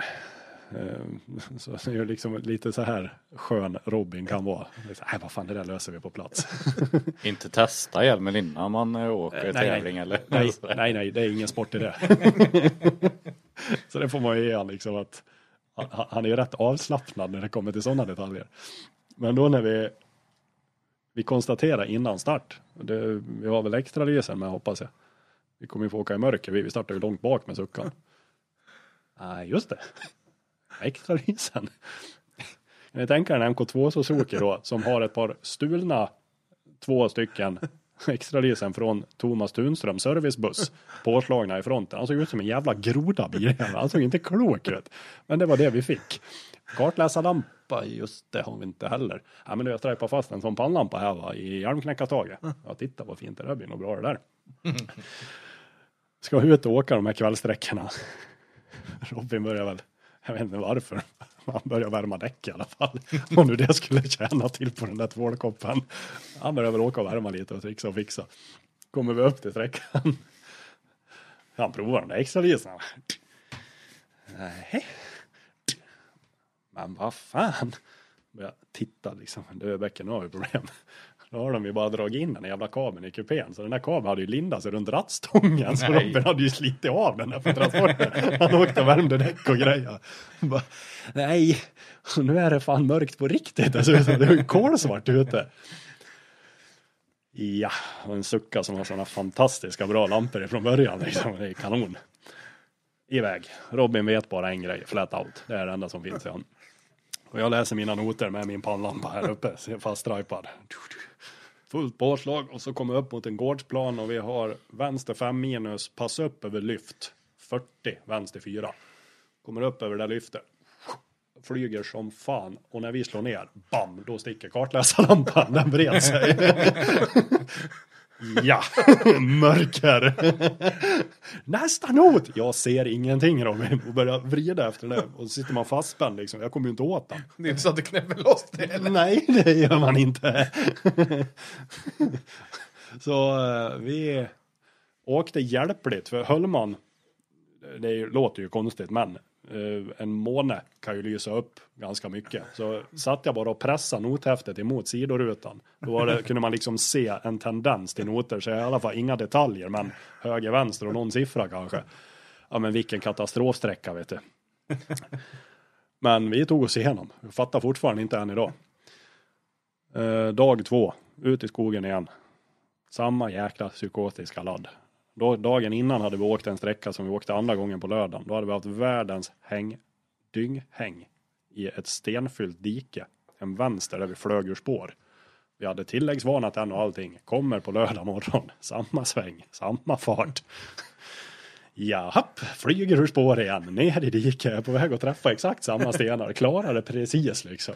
Säger till Robin, vad fan kommer du inte ihåg den där? Jo, jo, jo, men jag visste ju att det skulle gå. Vad är det här? Jag vill, jag vill inget mer. Jag kliver av! Ja, men vad fan, vad, vad, det är ju synd om bilen liksom. Men det gick ju ganska långt. Jag har för mig att det var, kan det ha varit 16 sträckor kanske. Jag tror vi kom 11 eller något sånt där. Sen var det ju sopskrot av den där bilen. Eh, både jag och Robin var ju förvånade att vi kom så många sträckor. För vi höll ju på att göra slut på honom på varenda sträcka vi åkte liksom. Så att det gick rätt bra ändå. Men det var ju det var ju så onödigt. Det var en snabb kombination, höger-vänster kombination. Och så kom han ner. Det var en välkänd sten där som många körde i. I toppskiktet också. Ramona bland annat slog sönder Mitsubishin där tror jag på den där stenen och Pelle Säv och Robin fick syn på den här stenen när det går fullt på trean utför med den här suckan och då går de ju rätt skapligt liksom. Hör och häpna men de går fan bra då. Och sen ser han den här stenen och tar beslutet att den där kommer nog inte min framvagn att klara så han väjar. Så vi flyger ur spår och tappar linjen, slår i i och med att det var en höger-vänster. Vi går av på yttern i högen men innen i vänstern kan man säga. Slår i en bergsknalle där, går upp på två hjul och är på väg ut i skogen. Jag trodde vi skulle slå av taket med träna som liksom stod på sidan eftersom vi går av med taket före. Men han lyckas vrida ner han på något vis och sen rätt vad det är så då är vi bara som en katapult framlänges. Fattade ingenting vad som hände men vi rullade och typ ett och ett halvt varv framlänges. Och han var ju helt nedslagen bak, totalt nedslagen bak. Och då eh, var det någon jävla, som en låg stenmur som var invuxen i gräset och marken. Där hade ju hasplåten kilat fast sig, så det var ju den som skickade iväg bilen framåt. Jag var så jävla förvånad när han liksom gick ner på hjulen och bara, nu har vi klarat det. Och sen, woof, vad fan, Nej. vad händer? Liksom. Så då var det över. Bilen också. Den såg aldrig dagens ljus igen. Det var ny kaross på den. Men han byggde ihop den i alla fall. Och sålde den sen. Till Branteström va? Ja, det kan det vara. Åkte lite Succa-cupen med den där sen. Har jag för mig. Men eh, det var Robins SM-premiär. Och det, Men tvåa på Milebygden. ja, den, den kommer man nog aldrig att glömma. Med en chaufför som inte hör en enda not för att hjälmen är för stor. det är lite, ja, det är lite coolt det där i efterhand. Ehm, um, sen resten av det året vart det väl inte så mycket mer. Robin pratade redan då om 2011 att eh, då vill han sitta i en riktig bil. Då. Vill han inte åka sucka som han sa, utan han vill åka riktig bil. Ehm, och tittade ju mycket på en ST då för att åka SM 2011. Men han hade väl något krav på sådär att suckan ska väl byggas ihop först och ditten och datten och så han höll väl på med det först. Och vad jag gjorde då, det vet jag fasiken Ja, faktiskt. du, du gjorde lite inhopp här och där. Du åkte med Niklas som du nämnde någon gång där i Sucke-cupen i... Jo men du, 2010, det var ju då jag hade mitt guldår i Suzuki Cup. Jag gjorde tre inhopp i Suzuka-cupen med tre olika förare och lyckades vinna alla tre. Men det är fan bra jobbat. Ja, för då vet jag att de, de hade ju en egen hemsida då, det kanske de har idag också, men de hade ju någon gästbok där, där de bara, ja, vem fan ska anlita Kristoffer nästa gång då? Vi säger det redan nu så vet vi vem som kommer vinna, liksom. Det var ju det där tugget. Ja, det var fan roligt, för det började ju med cykelhandlaren, Lars Jonsson, i Ja. eh, Motala. Där lyckades vi vinna. Sen, det var det som var så kul, det var ju då jag faktiskt vart kompis med Niklas Pettersson och han är ju än idag min absolut bästa vän, gudfar till min yngsta son och liksom, det, men det började med Sucka-cupen, när han ringer. Kavasuckan. ja Kavasuckan ja. Och Niklas är ju en ganska skön människa. Jag kommer ihåg, jag var på fest när han ringde och han var på fest när han ringde. Så bara, ah, tja, tja, hej, hej, tja, hej. Bara, Ja, hej. Ah, och vad gör du? Vem är det? Ja, för, förlåt, Nicke Pettersson, tja. Tvungen att fundera. Ja, ja, från Fagersta. Jajamän, jajamän. Ja. Du, ehm, vill du åka med mig eller? Ja, jo, det kan jag väl göra. Um, då skulle vi åka åt Vidaberg. Ja, ja, ja, men vad bra, så. Ja, för jag såg du åkte med Lasse Jonsson där. Jag tänkte om du kanske vill hoppa in. Alltså jag fattar ju om du inte vill åka sucka. Och då liksom, det var första gången man liksom så här, men vadå? Vem tror ni att jag är liksom? Jag, jag åker väl gärna sucka. Det är inte det liksom. Men han var så här, nej, han kanske inte vill. Och så sa jag det till Nicke, du hör av dig imorgon igen för jag är fan på fest. Så kan du inte ringa imorgon och bara påminna mig om att vi ska åka till här? Ja, fan, jag är ju också på fest. Jag kommer inte komma ihåg det här. Ja, ja, men vi får se. Vi hörs, hoj. Jaha, ja, hej då. Men eh, han ringde dagen efter. Så om det var helgen efter eller två veckor senare, då åkte vi åt Vidaberg. Och när han kommer med den här jävla kalla suckan med sju olika färger och det knarrar i bussningar och det donar och bara, Jaha, nu ska vi se vad det här blir. Eh, Men vi lyckades ju vinna. Jag låter. Han var ju C-förare då, Nicke liksom, och lyckades vinna hela Ja, det är inte dåligt. Nej, han gjorde en kanontävling. Och sen vart det ju Mola Strömberg i Nora på hösten. Hoppade in med han och lyckades vinna med han också. Så, Ja, du ser, du hade ju vinst. ja, ja, det, ja, Vinstrikast ja, kart. Du borde ha vunnit Sucke-cupen som kartläsare där. Då. ja, kanske. Jag vet inte. kanske räckte med tre segrar. jag, jag varit i alla fall inbjuden till deras prisutdelningsfest då i Lindesberg som specialgäst. Linnarkartesen från 2010. ja, det var lite roligt faktiskt att det vart sådär. Eh, Men som sagt, det var ju bara inhopp till höger och vänster då. 2010 där. Exakt. Eh, och bland annat då med Niklas sen då, som vi återkommer till sen. Men, um, sen 2011, då hade ju Robin beställt, eller beställt, han har ju köpt en begagnad ST från England. Så han och eh, Rådman, en av mekanikerna, får ner till Göteborg var det väl och hämtade den vid färjan. Så nu skulle det bli satsning, nu skulle det vara SM. Och um, med målsättning egentligen var väl att, ja men herregud, det, är ju, det här är ju hårda grabbar vi åker emot. Det var ju Nisse Fransson, det var Robert Eriksson, det var Telaus, eh, Brinkemar var väl med någon tävling och ja, det var ju de här värstingarna liksom som hade åkt de medaljerna. Tobias Bergetorp, snabb kille uppe från Ja, Jämtland. med. Clio där. Ja. Så det var ju ett helt getingbo. Och så JSM då, som på den tiden var ihopslaget med, då spelar det ingen roll om du åkte en Grupp H-bil eller en otrimmad bil, du åkte JSM mot alla. Så då. Och det var väl det mest intensiva tävlingsår jag har haft tror jag. Från nyår till från nyår till Svenska rallyt. Svenska var ju SM-premiären då. Då var vi inte hemma en enda helg. Vi åkte tävling varje helg fram till Svenska. Eh, Började med Offerdalingen och där vet jag att det var första tävlingen. Vi hade inte testat eller någonting. Och jag tror Adielsson premiärade med R2 då. Det var den första R2 Fiestan i Sverige då. Det var hans första tävling då. Och det var ju liksom en värdemätare för oss Ja. liksom. Det är kanon. Han har ju åkt ST förut och åkt ett par år redan så att jag tror vi fick stryk med en minut av Adielsson. Han hade ju plöjt upp oss Grande dagen innan och sådär. Sen vet jag även att en viss Ola Strömberg var jätteglad med sin sista sträcka för då tror jag han tog oss till och med eh, med suckan. För jag har för mig att han la ut sin inkarfilm och skrev att ja, här lyckades vi till och med ta Robin Friberg och Kristoffer Bäck. Så det var bara att gratulera Ola till det då. Kul att vi kan glädja honom. Ehm, men i alla fall, Robin var skitsur efter offerdaringen. Han satt i bussen hela vägen hem och sa, jag skiter i det, jag kan lika gärna börja med folkrace igen. Jag skiter i det. här." Fan får stryk med en jävla minut. Fan ingen mening att hålla på. Bara, men lugn nu. lugn. Du har åkt en tävling i bilen. Tagga ner. Eh, sen kommer vi då till svenska. Eh, första SM-tävlingen för året. Och vi knallar väl på. Alltså vi är absolut inte snabbast. Vi tar en sträckseger på Lesjöfors vet jag. Resten där ligger vi väl mellan trea och femma, sexa någonting på sträckorna. Så där åker vi skapligt jämnt. Sen eh, Just det, ja det är preskriberat. Den anekdoten kan jag berätta sen också. Men i alla fall, det avslutas ju med travet. Vi ska åka från servicen i Hagfors var det då. Av flygplatsen. Ja, stämmer. Ska vi åka ner till travet och ha våran sista sträcka där då. För vi gick ju mål på lördagskvällen då. VM-grabbarna åkte ju på söndagen också. Då ligger vi ju, då har vi kört upp oss så pass så vi har chans på tredje plats.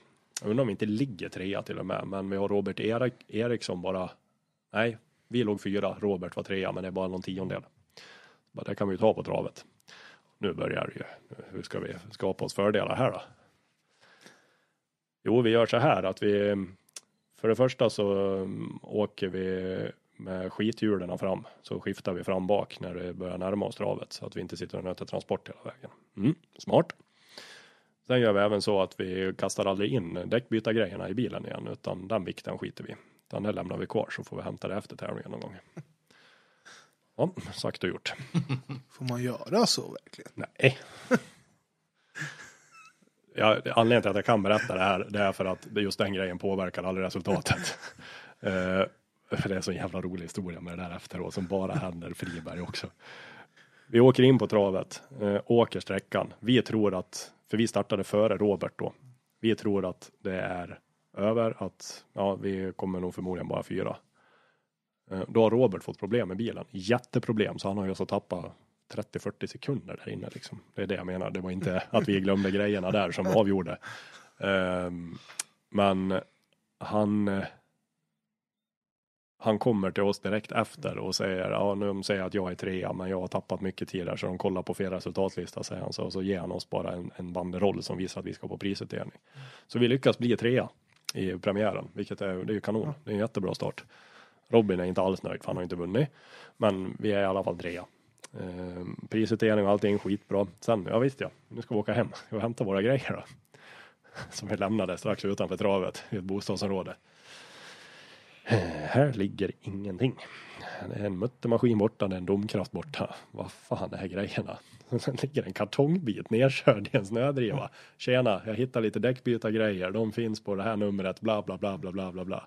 Då är det en välkänd rallyåkare som bor inne i det där bostadsområdet som har hittat våra grejer där och tagit med sig grejerna hem. Så vi åkte bara dit och sa tjena, fan bor du här? Jajamän, jajamän, här har ni era grejer och sen hem. Ja. Bra, då gör vi aldrig så igen grabbar. Är vi överens om det? Ja, bra. Ja, var han schysst då? Som inte... Ja, ja, ja fy fan. Vilket jävla flyt att det är just en rallysnubbe som liksom ser att ja men det här har ju legat i en rallybil liksom. Det här lär jag ju ta hand om.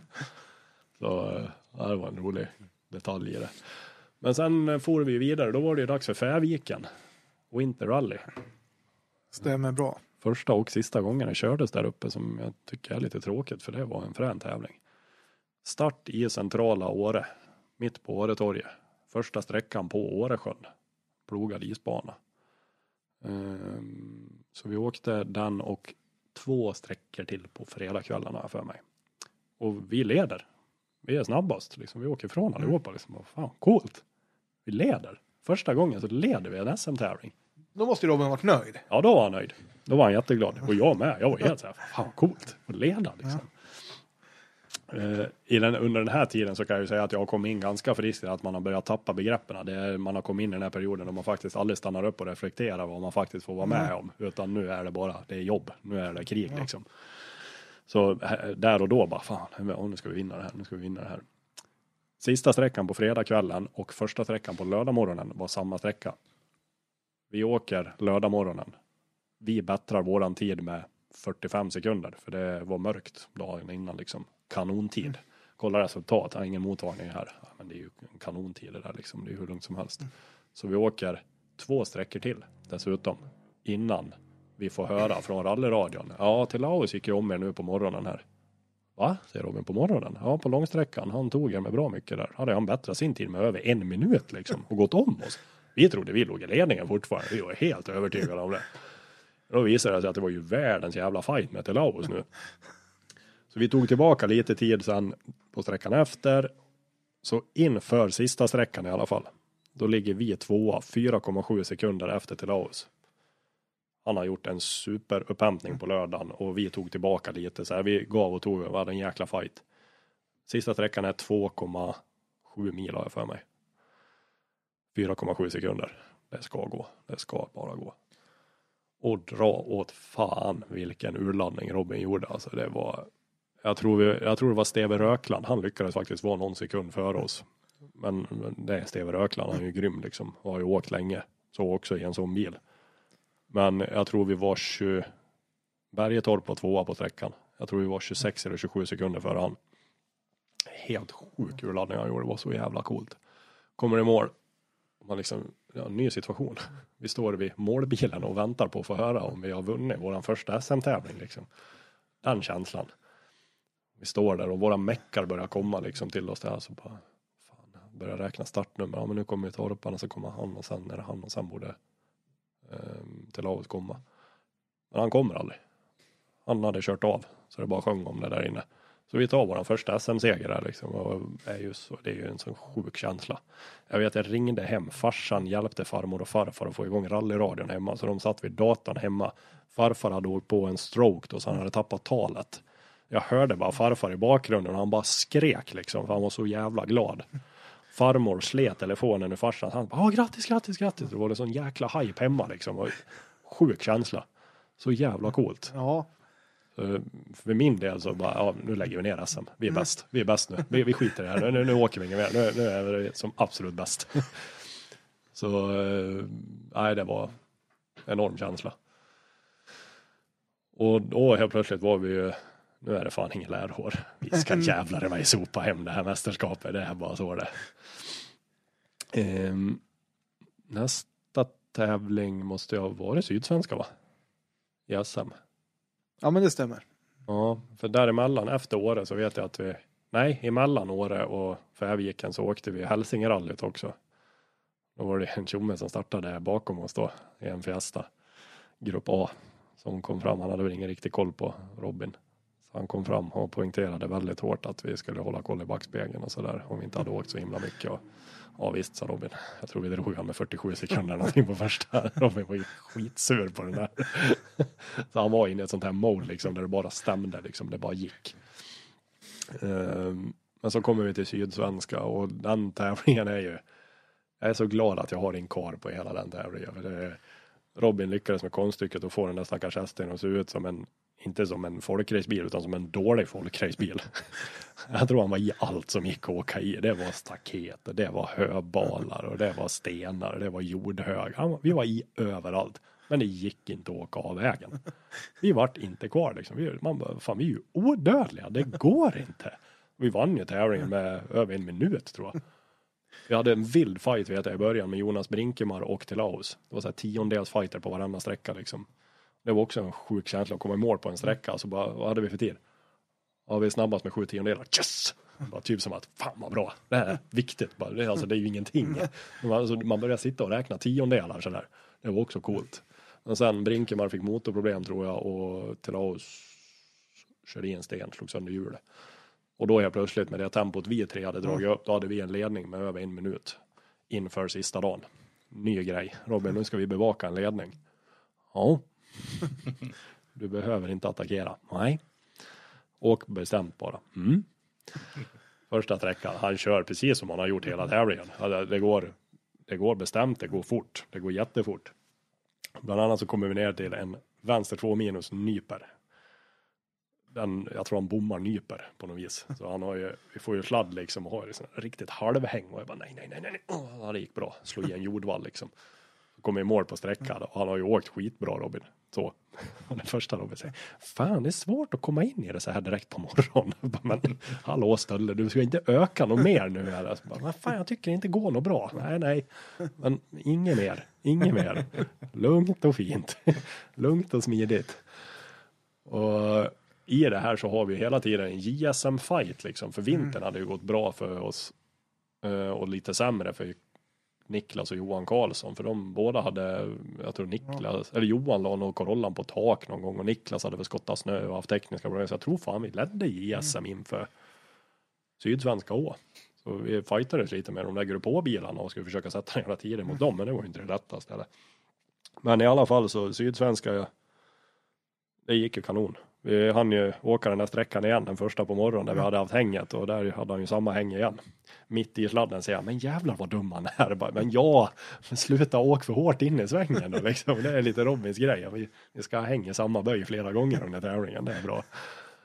Så, men vi vann ju den tävlingen och självförtroendet det var ju enormt. Det, vi kände verkligen att fan vi kommer kunna ta det här, det här kommer kunna gå liksom.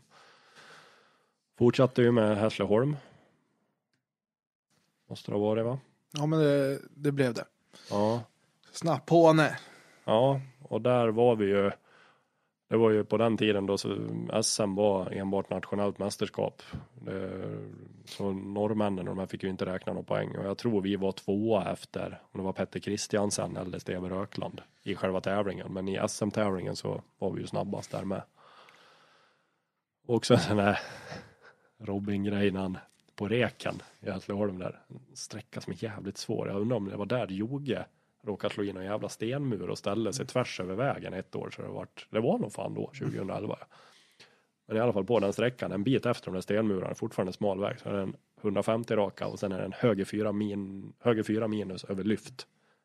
Pass upp var det också, pass upp höger 4 minus över lyft. Kommer första vändan på reken och jag läser det där för Robin. Ta bort pass upp. Ska du ta bort pass upp? Ja, sånt där jävla tjafs. Jaha. Kommer andra varvet. Ta bort minus. Ja men du nu. Ja ja. Mm, så åker vi några svängar. Sätt okej på honom också. Men vad fan vad det, det är, alltså en okej-not innebär åk på noten, stumt, gå på noten. Ja, ja.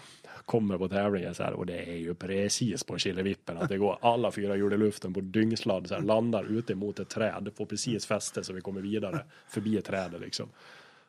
Åh, fy fan. Och jag visste redan då vad han kommer säga när vi kommer i mål. Kommer i mål. Bara, jag sa ju det, sa att det skulle gå, sa att det skulle gå. Bara, Ja, jo, jo, jo. Var det din sida som hade tagit rätt? Nej, det var hans faktiskt. Det var- Ja, ja det var det. Var det jag på- så förvånad över. Nej, han är ju, han är en friskus med sina idéer. Eh, Men eh, som sagt, seger i snappbana också. Nya fina SM-poäng. Eh, Och då är det väl egentligen, då borde det bara vara Linköping och eh, Katrineholm kvar va? Ja.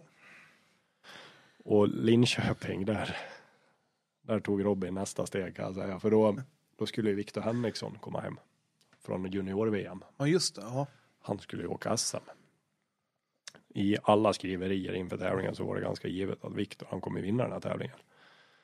Och jag sa till Robin att det får han göra. Han har ingenting med SM att göra. Släpp han. Robins svar på det är, du, han ska ångra sig att han anmälde sig till den här jäkla tävlingen. ja, men Robin, du har mästerskap, jag vet, men jag ska åka ifrån honom.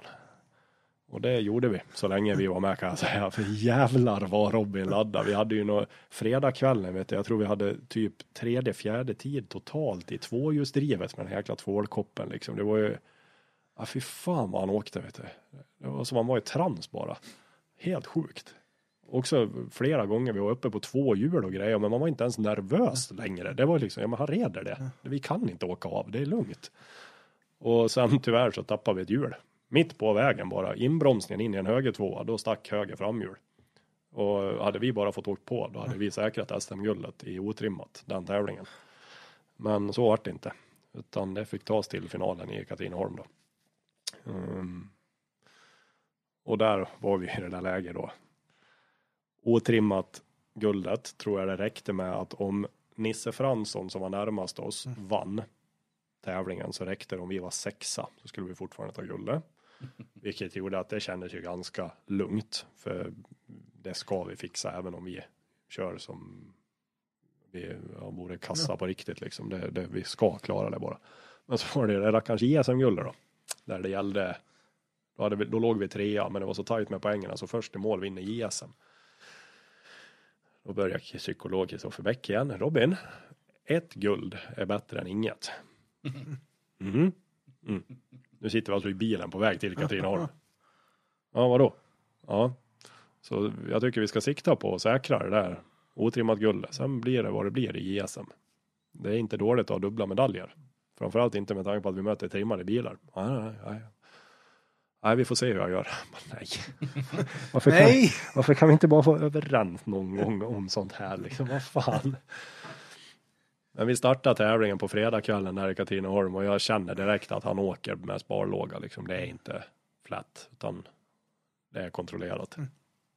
Um, knallar väl på där. Det händer ju saker runt omkring oss i otrimmat liksom. Det är folk som krigar om segern i tävlingen så det försvinner bilar hit och dit och helt plötsligt så tror jag var, vi var i ett läge att ja, men nu räcker det med att bara komma i mål så då är vi säkrade. Liksom. Spelar ingen roll placering bara vi kommer i mål. Och då tre sträckor från mål tror jag det var. Då helt plötsligt så passerar vi Johan Karlsson med Corollan. Då stod han uppe bland träna med den. Mm. Så jag till Robin, nu har vi fan med ett silver på gång. För jag kan säga JSM hade vi inte en chans mot Niklas och Johan under den här tävlingen överhuvudtaget. Och de, vi släppte ju dem. Men då är det ju minst ett silver då, sa jag till Robin. Ja, det är perfekt. Näst sista sträckan, där står Niklas Karlsson med rasad bakaxel. Passerar Niklas och jag säger till Robin, fokus nu. Och sen läser jag nästa not, krön 50, öppen vänster 1 i vägskäl. Och vi passerar det här vägbytet så det bara sjunger om det. de bromsar på sig så in i helvete. Och Robin är lite stingslig i en rallybil. Han är lite uppeldad så här så man får inte säga vad som helst. Och då sa väl jag fokus nu. Håll käften skrek han tillbaka. Och så ut igen. och så kommer vi i mål på sträckan och bara ja nu är det Robin. Nu är det en sträcka kvar. Det är fan en sträcka kvar. Jajamän säger han. Han var ganska avslappnad liksom. Och det var det var inte jag kan jag säga, men jag gav nog sken av det. Jag var nog väldigt lugn utåt, men fy fan vilka känslor. Vilka känslor inne i kroppen. Och det är en tuff sträcka där i Katrineholm. Alltså alla de vägarna är ju jävligt luriga generellt, men det här är ju den här eh, Bie, Bie-sträckan. Ja, den, ja. Vet, det är ju vägförflyttningar och det är stenar och det är Krön och hopp. Ja, herregud, det finns allt på den där och det är nog säkert handgranater och minfält och allting när man ska försöka ta ett SM-guld. vet du. Fan, det finns mycket otäckt där. Um, starta sträckan och jag känner ju att han åker väldigt försiktigt. Skönt, tänker jag. Fan vad skönt. Vi åker väl på där, sen kommer vi, det här är andra gången sträckan går. Sen kommer vi en liten, liten bit in, då är det en vänsterfyra som det har blivit ett sjujävla hål i, i vänsterspåret. Eh, även vägmaterial har sjunkit undan. Det är en dålig lagning förmodligen som har gjorts någon gång. Så det, alltså det är 30, säkert 30 centimeter djupt hål. Och när vi kommer in där, Robin ställer in bilen liksom så vi går på lite sladd in i svängen. Då är det ju kört, han kan inte justera då för det står träd på ytten. Så ta ner det där jäkla hålet och det suger tag i vänster framhjul så jävla hårt så det blir som att någon bara tar bilen och kastar runt den så här. Så vi går nästan baklänges ut ur svängen, upp mot träna på ytten. Bara, Nej! Folk har sagt jag ser hela livet passera i revy. Jag såg hela säsongen. Precis hela säsongen. Bara for förbi framför ögonen. Bara, nu är det kört, nu är det kört. Nej, han lyckas reda det också på något jävla konstigt vis. Ja, fortfarande idag, han kan inte förklara själv hur han hade det. För han sa det, jag vart jätteförvånad. Ja, jo. Det var inte rätt liksom. Och när vi börjar närma oss mål. Kommer vi ute på åkrarna så är det en lång, lång högerfyra. Då ser jag på åkern, där är min farsa, min farbror, flera av liksom folk vi känner liksom. De kommer fram emot vägen, bara gör vågen så här liksom. Nu har vi bara 200 meter kvar till mål kanske. Men det var liksom så här Carlos Sainz VM 98, det är inte över än, det är inte över än. Och så kommer vi i en sista riktiga sväng som det kan bli någonting. Det är en vänster fyra minus med en sten på ytten. En stor sten på ytten. Och jag känner att han tog det lugnt här också. Bara, nu är det fan klart. Nu är det klart. Och vi kommer att passera målskyltarna. Alltså då det bara svartar. Alltså det är bara. Man, man vet inte vad som händer i det läget. Vi har liksom tagit dubbla SM-guld. Det är dubbla guldmedaljörer. Vi är 21 och 20 år, jag och Robin. Det är, Eu- Eufori i hela kroppen ja, måste det vara. Det ja, var ja, ja, man, det är, guldkänsla. det är nästan så sexpunktsbälte inte kan hålla fast den liksom. För att man är så jävla uppåt liksom. Och det, våra meckar står i målet. Kronberg kommer, tårarna sprutar på han. Det- brister för mig när jag ser hur jävla glad han är. Zacke, den jäkla legenden, har ju lyckats. De köpte ju någon sån här typ Pommac-flaskor och skulle ha som champagneregn. Zacke hade så jävla exalterad fick vi höra efteråt. Så han hade gått och småruska på den där. Så han sköt ju av sig kepan innan vi kom. Korken sköt av kepan på honom. Han inte kunde hålla sig. Så, det var ju bara sånt här tok vet du. Och fy fan vad roligt det var. Det var så jävla kul efter det året liksom och bara, ja, det, det gick ta med fan, det gick liksom. Mäktigt. Ja, riktigt jäkla mäktigt. Det kan jag tänka mig. Alltså, det och kan ha blivit en liten fest på kvällen där också. Ja, det minns jag inte riktigt, men det tror jag att det var. Jo, det, jo, det var fest. Jävlar vilken fest det var. Och, Nej, det, det, jag tänkte säga, det, det borde du inte minnas. nej, nej, men precis. Nej, det var, då var det kalas. Då var det kalas på riktigt. Så det, är- nej, det är en grym känsla. Det är första segern och första guldet samma år liksom. Det är, nej, det är en känsla man aldrig kommer glömma. Jag och Robin brukar bli lite nostalgiska ibland och prata om det där året liksom. Och verkligen, det, vi var odödliga. Det gick jävlar inte att åka av vägen. Det största problemet vi hade det året, vi sprängde växellådan i Norrköping två veckor innan Sydsvenska. Det var bara ett rally vi skulle åka för uppvärmning. Då mm, sprängdes huset liksom. Det, Ja, majpokalen. ja, precis. Det var det vi hade, det problemet liksom. Sen bara flöt det på. Ja, men vad, alltså skön säsong. Och, Ja, efter de här lite struligare säsongerna du hade haft innan med avhopp och avbruten säsong. Och, så skönt att få en sån revansch i alla fall. underbart. Helt jäkla underbart. Och det var, nej, den var, den var riktigt jäkla viktig. Det, det tog Robin till nya höjder och det höjde mig som människa och som kartläsare men framförallt statusen på mig i rally-Sverige tror jag tog några kliv till då. Exakt. Ehm, Så det var ett bra år. Ett viktigt år för mig. Men sen då? Du och Robin bestämde att man ska avsluta på topp eller?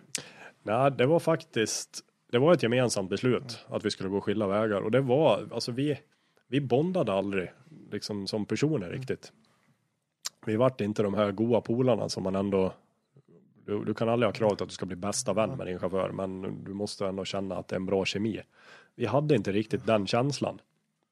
Så um, i bilen funkar klockrent. Mm. Det tävlingsmässiga, allting var klockrent. Men vi kände att nej, fan, vi, vi ska avbryta liksom. Vi, vi behöver någon annan att jobba med. Um, skönt att man var överens liksom. Det var ju från bägge håll så att det var absolut inget osams. Vi var inte oense om någonting liksom. Utan det var, det, det är ju lite konstigt. Ja, vi har precis haft en kometsäsong. Nu går vi skilda vägar. Jag, jag fattar, det ser konstigt ut. Men det var faktiskt så att det var, det, det tävlingsmässiga funkade klockrent. Men Ja, men det är ju det. Man, ni, har, ni har ju nått så högt ni kan komma i Sverige om man säger också. Vad, vad ska ni utveckla då om, om det inte känns riktigt rätt heller? nej, precis. Det blir jättesvårt. Så att, ehm, prosit. Ibland måste man få nysa också. Ja, absolut. Det är man värd. Ehm, nej, så vi gick skilda vägar. Uh, Robin skulle ju, jag var uppe, han skulle ju åka Mitsubishi. Från och med 2012. Ehm, och jag fick i samma veva en förfrågan från uh, herr Adielsson. Om att eh, hoppa på hos honom inför 2012 då. Jag undrar om inte jag hade åkt en tävling med han under 2011, typ eh, Trollhättan kanske? Stämmer alldeles utmärkt. Ja, det var så. Ja, Ehm, du har ju sten, alltså det här, chaufförerna när de kommer hit, ja det är koll, alltså, har full koll. Kan vi verkligen säga, här är det stenkoll på grejerna. Ja, det är den där rikspokalen jag glömmer av varje år bara. Ja men det är ju en tradition, Ja, så det, det, det rullar ju bara på. Den behöver vi inte nämna mer. Alla vet det nu. Ehm, nej, men så då, Mattias skulle åka SM. Eh, Med R2 Fiestan där 2012. Och hade ju krigat på där under några år. Med sin satsning liksom som ni hörde i tidigare avsnitt också. Hur han har jobbat med den och jobbat upp den framförallt. Så jag har ju, jag har ju liksom umgått med Mattias på tävlingar och sådär. Att vi har ju tävlat. Vi har startat runt omkring varandra hela tiden. Så hade ju bra koll på honom så. Ehm, och jag kom väl in där för första gången då. Så kom väl jag in, eller det var väl så med Robin också. Men nu togs jag ju in för nu ska vi utveckla Mattias. För det var det jag menade med min status med segern med Robin. Att Kristoffer han har fan koll på läget och han vet hur man åker fort. Ehm, så då hoppade jag in med Mattias och vi började jobba direkt med att han skulle börja skriva egna noter. Det var ett krav jag hade. För att jag frågade vad hans målsättning var. Det var att åka internationellt. Ja, då lär vi börja nu med egenskrivna noter. Jag och Robin åkte inte egenskrivet. Han ville bara justera arrangörsnoterna. Så jag och Mattias började jobba med det direkt. Ehm, och träna och träna och träna och träna och greja och åkte tester och trixa och fixa där. Eh, Jag tror att första tävlingen vi åkte det, ihop det året, det var nog Offerdalingen igen och det gick rätt bra. Jag tror vi vann där. Ehm, Offerdalingen. ja, Ja, eller den kanske hette Dubbeldalingen då. Det var något sånt här märkligt. Undrar om det var rek och grejer då det året så att man fick skriva egna noter. för här står det att ni bröt. 2012. Ja, nej, kanske inte förresten. Nej. Nej, jag skojar med dig. Ni... Ja, Dubbeldalingen heter den. 2012. 20... Ja, 2012 ja. Ja, den tror jag att vi vann. I två vid det i alla Ja. fall. Ehm, så det började ju kanon på alla sätt. Ehm, sen, undrar om inte, vad fasiken var första tävlingen? Var det Östersund? Eller var det Sandviken? Uppsala. Uppsala. Där var Vinter. och där var inte jag med. Det står säkert där, men det var inte jag som Nej. läste. För det som hände då var att torsdagen, då vi skulle åka till Uppsala och anmäla oss, då föddes min dotter. Ja, ja. Din första. Så då, ehm, då, då, då, Då var vart du jag hemma. Då var du hemma och... Ja, och där var- var det ju också en sån här jäkla grej när man är så knäpp i skallen och tror sig veta och kunna allting vet du. För hon är, hon är ju, det här är två veckor för tidigt. Ja. Så i min värld, vad fan, nej. Ja, hon säger att det känns som att det är någonting på gång, men nej, det är två veckor kvar. Ja. Men vad fan, jag kollar på klockan, jag har ju tid där. Vi åker in och kollar. Ja. Så vi åkte in. Det var ganska lugnt så liksom. Det var inte att hon, det var panik på något vis. Så jag ringde till Mattias och sa "Ja, jag ska bara in och kolla upp det här på BB så kommer jag sen så jag kanske blir lite sen. Klipp till, vi är på BB och sköterskan säger du det är dags. Men vad fan, ja. Du- du... Är det okej om jag är med nu då så åker jag till Uppsala sen? Ja, då, sa hon. Inga problem. Ja, vad bra. Ringer till Mattias och jag blir nog fan lite sen. I värsta fall får jag anmäla mig imorgon bitti för hon ska födas nu. Jaha, säger Mattias. Ja, vad kul. Ja, men hör av dig sen när det är klart. Jajamän. Där står jag på fullaste allvar och tror att ja, men jag, jag kommer åka tävling, det är inga problem. Och det som då har hänt, som inte jag vet om, det är att Mattias har ringt till sin pappa Mats och sagt att du, Kristoffer kommer bli lite sen, för han ska bli pappa. Va, säger Mats. Ja, de ska ju tydligen föda nu. Du Mattias, du får gärna hitta en annan kortläsare va? Nej, men han sa att han skulle komma. Ja, det kanske han sa, men han kommer inte komma. Jag har rätt på en annan kartläsare. Nej, men han sa att han skulle. Ja, jag vet att han har sagt så. Han kommer inte komma. Så till slut så vart med Mattias övertygad om att börja jaga dem. Det här visste ju inte jag om. Ehm, klipp till BB igen. Bebis kommer ut. Min värld rasar ihop. Bara, jag blir pappa. Bara, ja, ni som lyssnar och ni som har barn, ni fattar vad jag pratar om. De känslorna går inte riktigt att styra över. Det är större än ett SM-guld, eller hur? Det är det, det är det. Alla gånger. Ehm, I samma ögonblick som jag får Olivia i min famn så bara, jag kan väl för fan inte åka rally. vad är det här för jävla påhitt? Shit, och den ångesten. Jaha, hur gör jag nu? Alltså, Jag måste ringa till Mattias och säga att jag kommer inte. Jag kommer inte klara av att åka härifrån. Och eh, mamman säger, ja men åk. Nej. Nej, jag det, kan. det, det är okej. Nej men jag, jag vill inte. Liksom, vad fan. Så jag ringer till Mattias och bara, hej Mattias, du, nu, nu är det klart. Ja, vad kul, grattis. Ja, ja, det har varit en dotter. Men vad roligt, va, va, va. Men Han är ju alltid så positiv. Ja, ja, ja, för fan. Men du, jag, jag är ledsen så. Alltså, jag, jag kommer inte klara det här. Jag kommer fan inte kunna åka tävlingen. Nej, jag vet. Så Håkan Palm åker med. Tack. Tack. Och så berättar han, "Nej, jag ringde till pappa och han tyckte att det var bäst att jag hämtade, hittade någon annan. Bara, Tack Mats Adielsson för att du är en klok man. för jag var bombad på riktigt. Eh, Så jag åkte aldrig med i den tävlingen. Och tyvärr så slutade det ju i en sten för dem på tidigt. Kanske var det- första till och med. Det är inte han vi ska prata om nu. Så han har, han har haft sin chans att sticka. Ja, så är det. Men eh, nej, det var surt att det vart så jävla styggt för han där. Det var ju dålig premiär för han på SM där. Men sen andra tävlingen kanske var Östersund då. Kan det vara så? Mm. 2012 där. Var det Sandviken? Sandviken, Sandviken tror, var det. Jag tror fan inte Östersund ingick i SM. Nej, stämmer. Det var Sandviken och eh, Uppsala. Och Sandviken började skitdåligt för det var första sträckan var inne på Göranssons arena på bandyplan och de plogade upp en bana och där slog vi väl på någon jävla snurrning och grejer och tappade ju något fruktansvärt med onödigt mycket tid. Så det vart ju ett jävla jagande men vi kom ikapp bra nog alltså. Jag för mig, vi hade ju vårat fokus på, för R2 ingick ju i trimmat då. Så, men vi åkte ju JSM så det var väl JSM vi hade störst fokus på det året. Eh, trimmat fick bli lite som det vart då. Eh, men vi jagade kapp bra nog där så jag kommer fasiken inte ihåg men undrar om vi inte vart fyra, femma, fyra eller någonting i Ja. JSM eller något sånt där. Det kan det ha blivit. Ni blev sjua i trimma tvåhjulsdrivet i alla fall. Så Ja, det ja, men är då- svårt att Vi säga. kanske kom på pallen nu när jag tänker efter ändå. Vi kanske tog oss upp på tredjeplatsen i JSM då. Men ja, det var surt liksom på den jävla snurren. Det var så onödigt liksom. Men det är ju sånt som händer. Och det någon gång det ska hända så är det väl på sådana där skitsträckor liksom. Men tävlingen överlag annars gick ju bra. Eh, han fick ju ännu mer självförtroende i sina egna noter där och som var ett ständigt projekt för oss under det här året att utveckla notsystemet. Då. Och det här var ju första gången som jag var med och byggde upp ett system. Med Kalle Ward var det ju det klart Mm. när jag kom. Men nu fick jag ju vara med och bygga upp ett notsystem och klura och trixa och fixa liksom. Och det är det jag fortfarande tycker är skitkul. Just med min roll att få vara med och bygga och klura på notsystem. Men det kan jag förstå. Alltså, det är ju en sätt för dig att sätta din prägel på den du ska åka med också. Att, Mm. att man får nog ett bättre kemispel då också om man Eh, ense om hur, man, hur noterna ska se ut. Ja men det är det och det är, en, det är ett ständigt projekt som gör att du, du hamnar inte i andra onödiga diskussioner om saker som kanske är totalt oväsentliga egentligen. Alltså det kan vara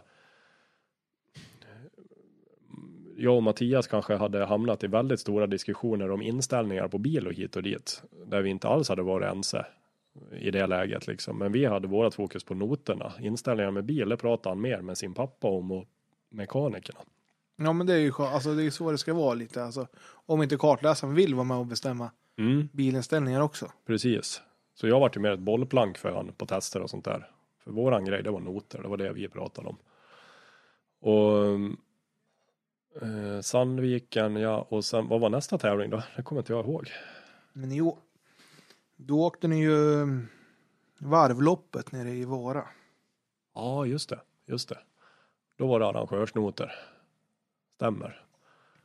Eh, kommer inte ihåg, det gick nog bra. Skapade Ja. femma kanske? Kan det vara något sånt? Ja, du kan ju din... Du Äh, kan var det femma? Ja, du kan dina grejer. ja, jäklar. Jag tror Leffe Pettersson vann i alla fall. Eh, Det är men- bra med en, med en Fiesta ju. Ja, jo, men jag har för mig att vi var jäkligt nöjda efter den tävlingen. Liksom bra känsla på grus. Så, hade gjort något bra test innan och sen måste det väl ha varit SM va? Ja, sydsvenska. Då var det sydsvenska ja. Mm, mm, mm. Hur gick den då? Ni, ni tog er i mål i alla fall. Ja, det gjorde vi kanske. Men, Men eh, undrar hur, ja fan den har jag helt förträngt. Ja, men vi, vi kliver vidare. Så. Ja, vi skiter i sydsvenska. Vi kommer till rikspokalen. När vi kommer till rikspokalen då är det slut på. Nej, men eh, sen eh, rullar ni ju.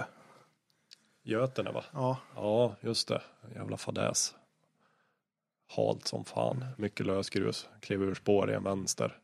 tappade bakändan så fronten drev in och så var det en sån här traktorväg in på en åker. Så det var dike och så var den där traktorvägen och den där traktorvägen hakade vi tag vänster fram och slog runt. Ehm, Så det vart en plump i protokollet. Den åkte vi ju också bara för uppvärmning liksom. Bara hålla igång Exakt. mellan SM-tävlingarna. Så att då vart det väl hem och banka plåt för dem.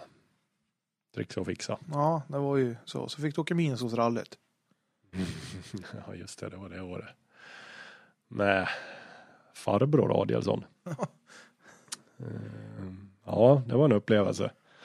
Det, det roligaste med den tävlingen det var att det året så gick en dag hemma på mina skogar. Där jag Ja, har du- tränat noter på Nornskogen och under min uppväxt. Ja, men du ser. Det var häftigt för Nornvägen det är ju en del av den gamla klassiska Jutbosträckan på Svenska rallyt som är 4,7 mil lång egentligen.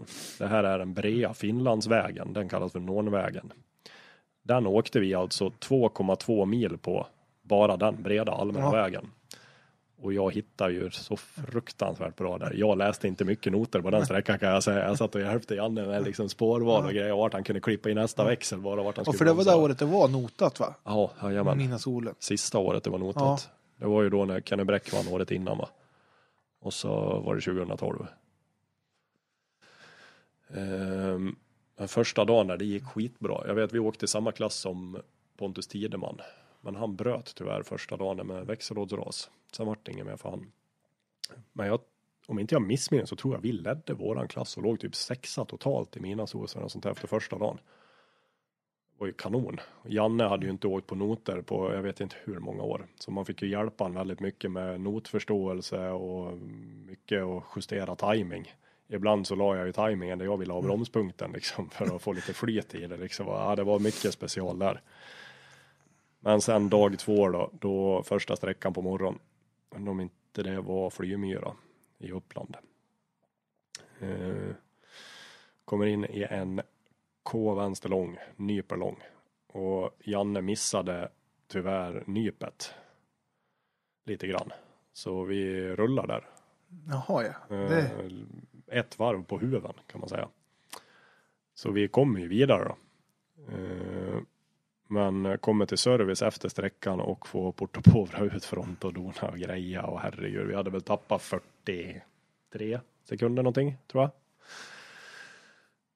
Och det började bli bråttom liksom till nästa sträcka och jag sitter på transporten och säger ja, nu kan ni inte ta igen den här tiden på en sträcka nu liksom. Nu åker vi bara på så kommer det här bli bra. Det är liksom typ två dagar kvar av det här rallyt så lugn och fin. Inte lugn och fin. inte alls lugnt och fint på nästa. Det slutade i alla fall med en eh, jättekrasch. Det var liksom bara att den där eskorten skulle inte få överleva det där rallyt. det skulle inte det. Vi kommer in, det var en sån jävla smäll vet du. Så vi kommer in i en, det går ut för nygrusad väg så är det en medium vänster och han går in understyrt och hårt som fan i svängen och går ju ur spår med fronten så vi går av upp i en slänt. Det sista jag minns är liksom att vi kommer flippa upp och börja rulla. Det är det sista jag minns och att jag, att, har för mig att jag skriker men för helvete Janne eller något sånt där. Och sen är det svart.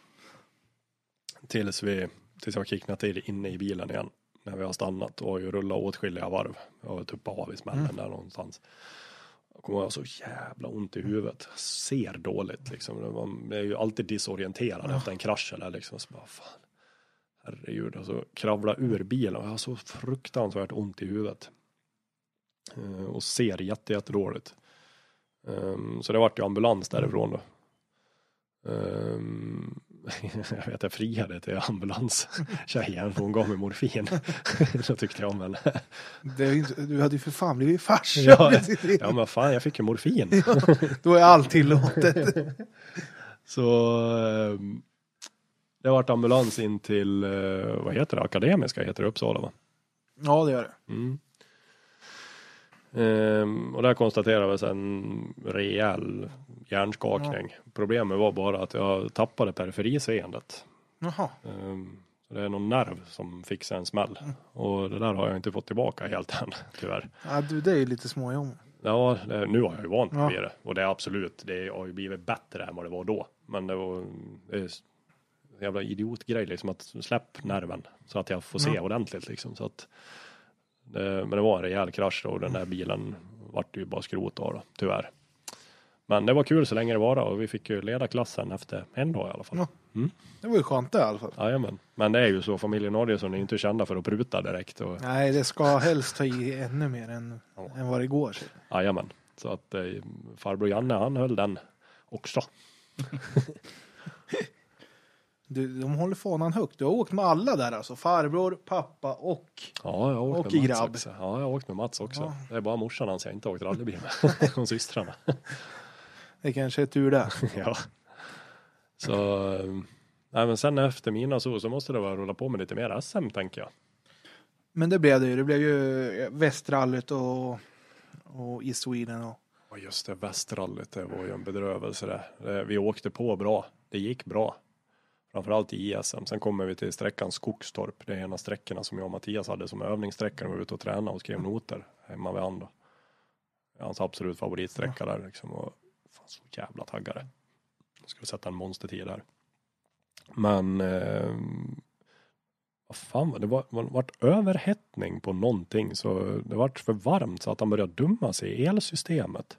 Så han gick som ett lass skit bilen nästan halva sträckan liksom och bara rullgardin ner och så bara vad fan. Så vi istället för att tjäna en massa tid som vi hade tänkt så då vart det ju tidstapp då. Istället. Och sen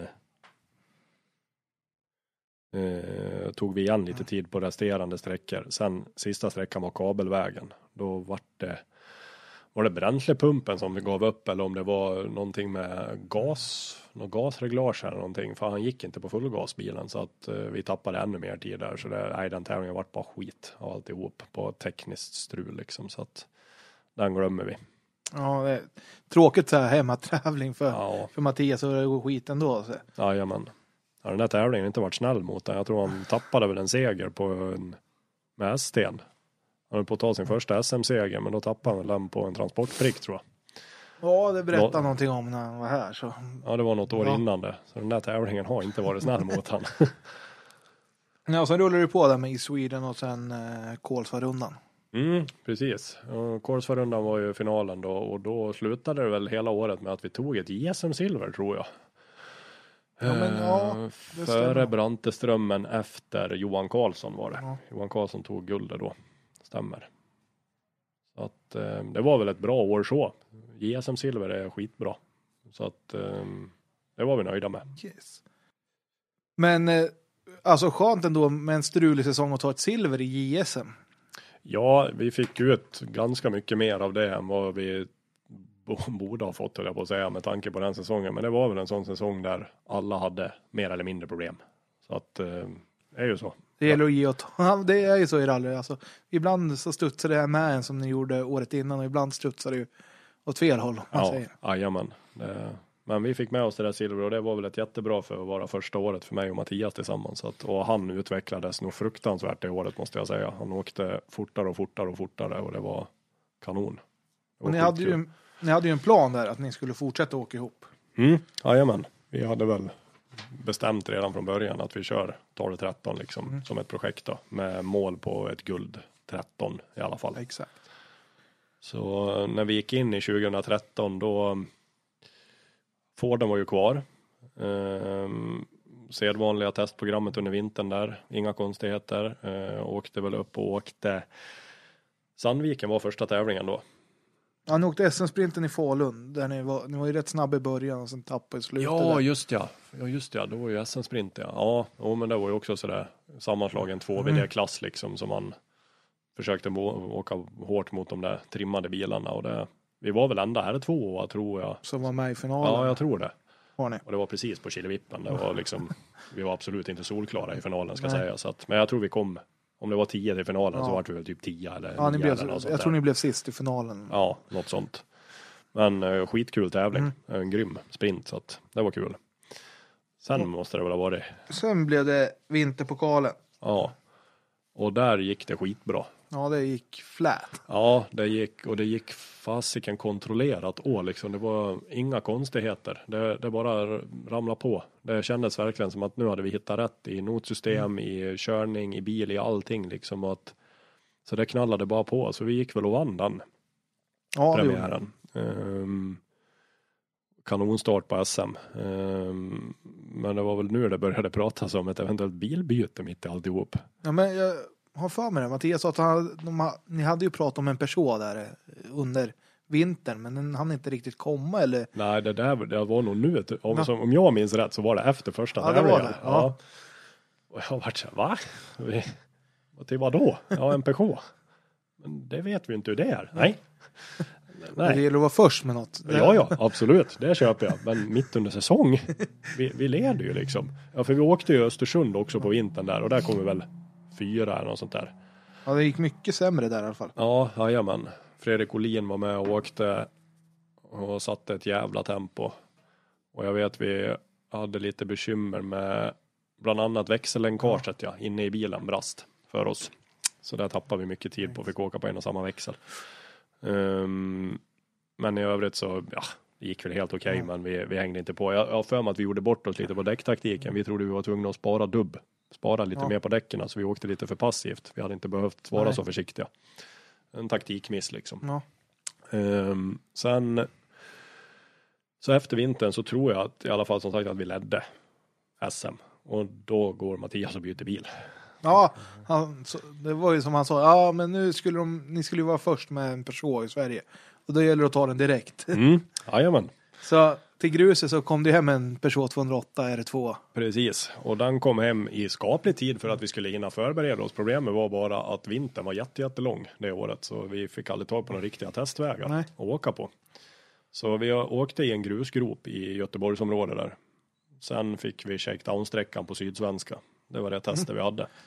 Och till Sydsvenska då, så vi ska dit och försvara en SM-ledning. Till start kommer Pontus Tideman, Fredrik Olin i varsin R2.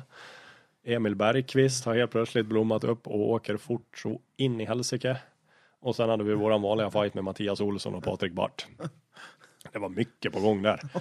Um, så vi um, krigade väl på där. Vi hade ju fullt sjå, alltså mer än halva tävlingen bestod ju av att lära sig nya bilen liksom. Den var ju helt, helt färsk för oss.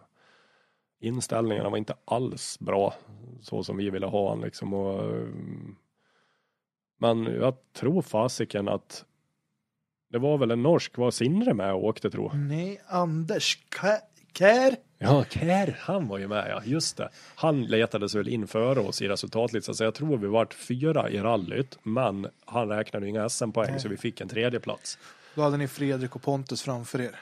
Ja, precis. Och eh, för nu ska vi se, Emil Bergqvist bröt inte han. Mattias Olsson vet jag bröt med motorras. Det stämmer. Och likadant, Emil hade också motorproblem. Ja, det var så ja. För jag vet att Emil var ju den enda i SM-klungan som hängde på Pontus och Fredrik Mm. riktigt ordentligt och han utmanade ju dem riktigt. Men sen tror jag Pontus måste ha gjort något där. Han måste ha kört någon punka eller något va? Han får in i en eh, trumma, en vägtrumma. Ja. Han fick sladd och hamnade i en sån och slog bort front och krånglade och Ja. donade. Så han tappade mycket tid där. Men han och Fredrik hade ju en sjujäkla fight i toppen där. Men vi kom ju, som sagt, vi kom ju undan med en jäkla bra poängskörd där också. Så då levde ju guldet fortfarande. Och vi kände oss trygga i det. Sen åkte vi, jag vill få för mig att nästa tävling är, i SM i alla fall, är Snapphane.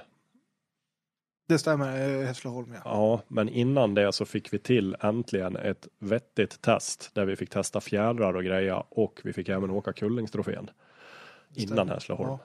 Och testet gav oss jätte, jättemycket. Vi hade fullt självförtroende efter det testet och sen åker vi Kullingstrofén och lyckas bli trea i trimmat där.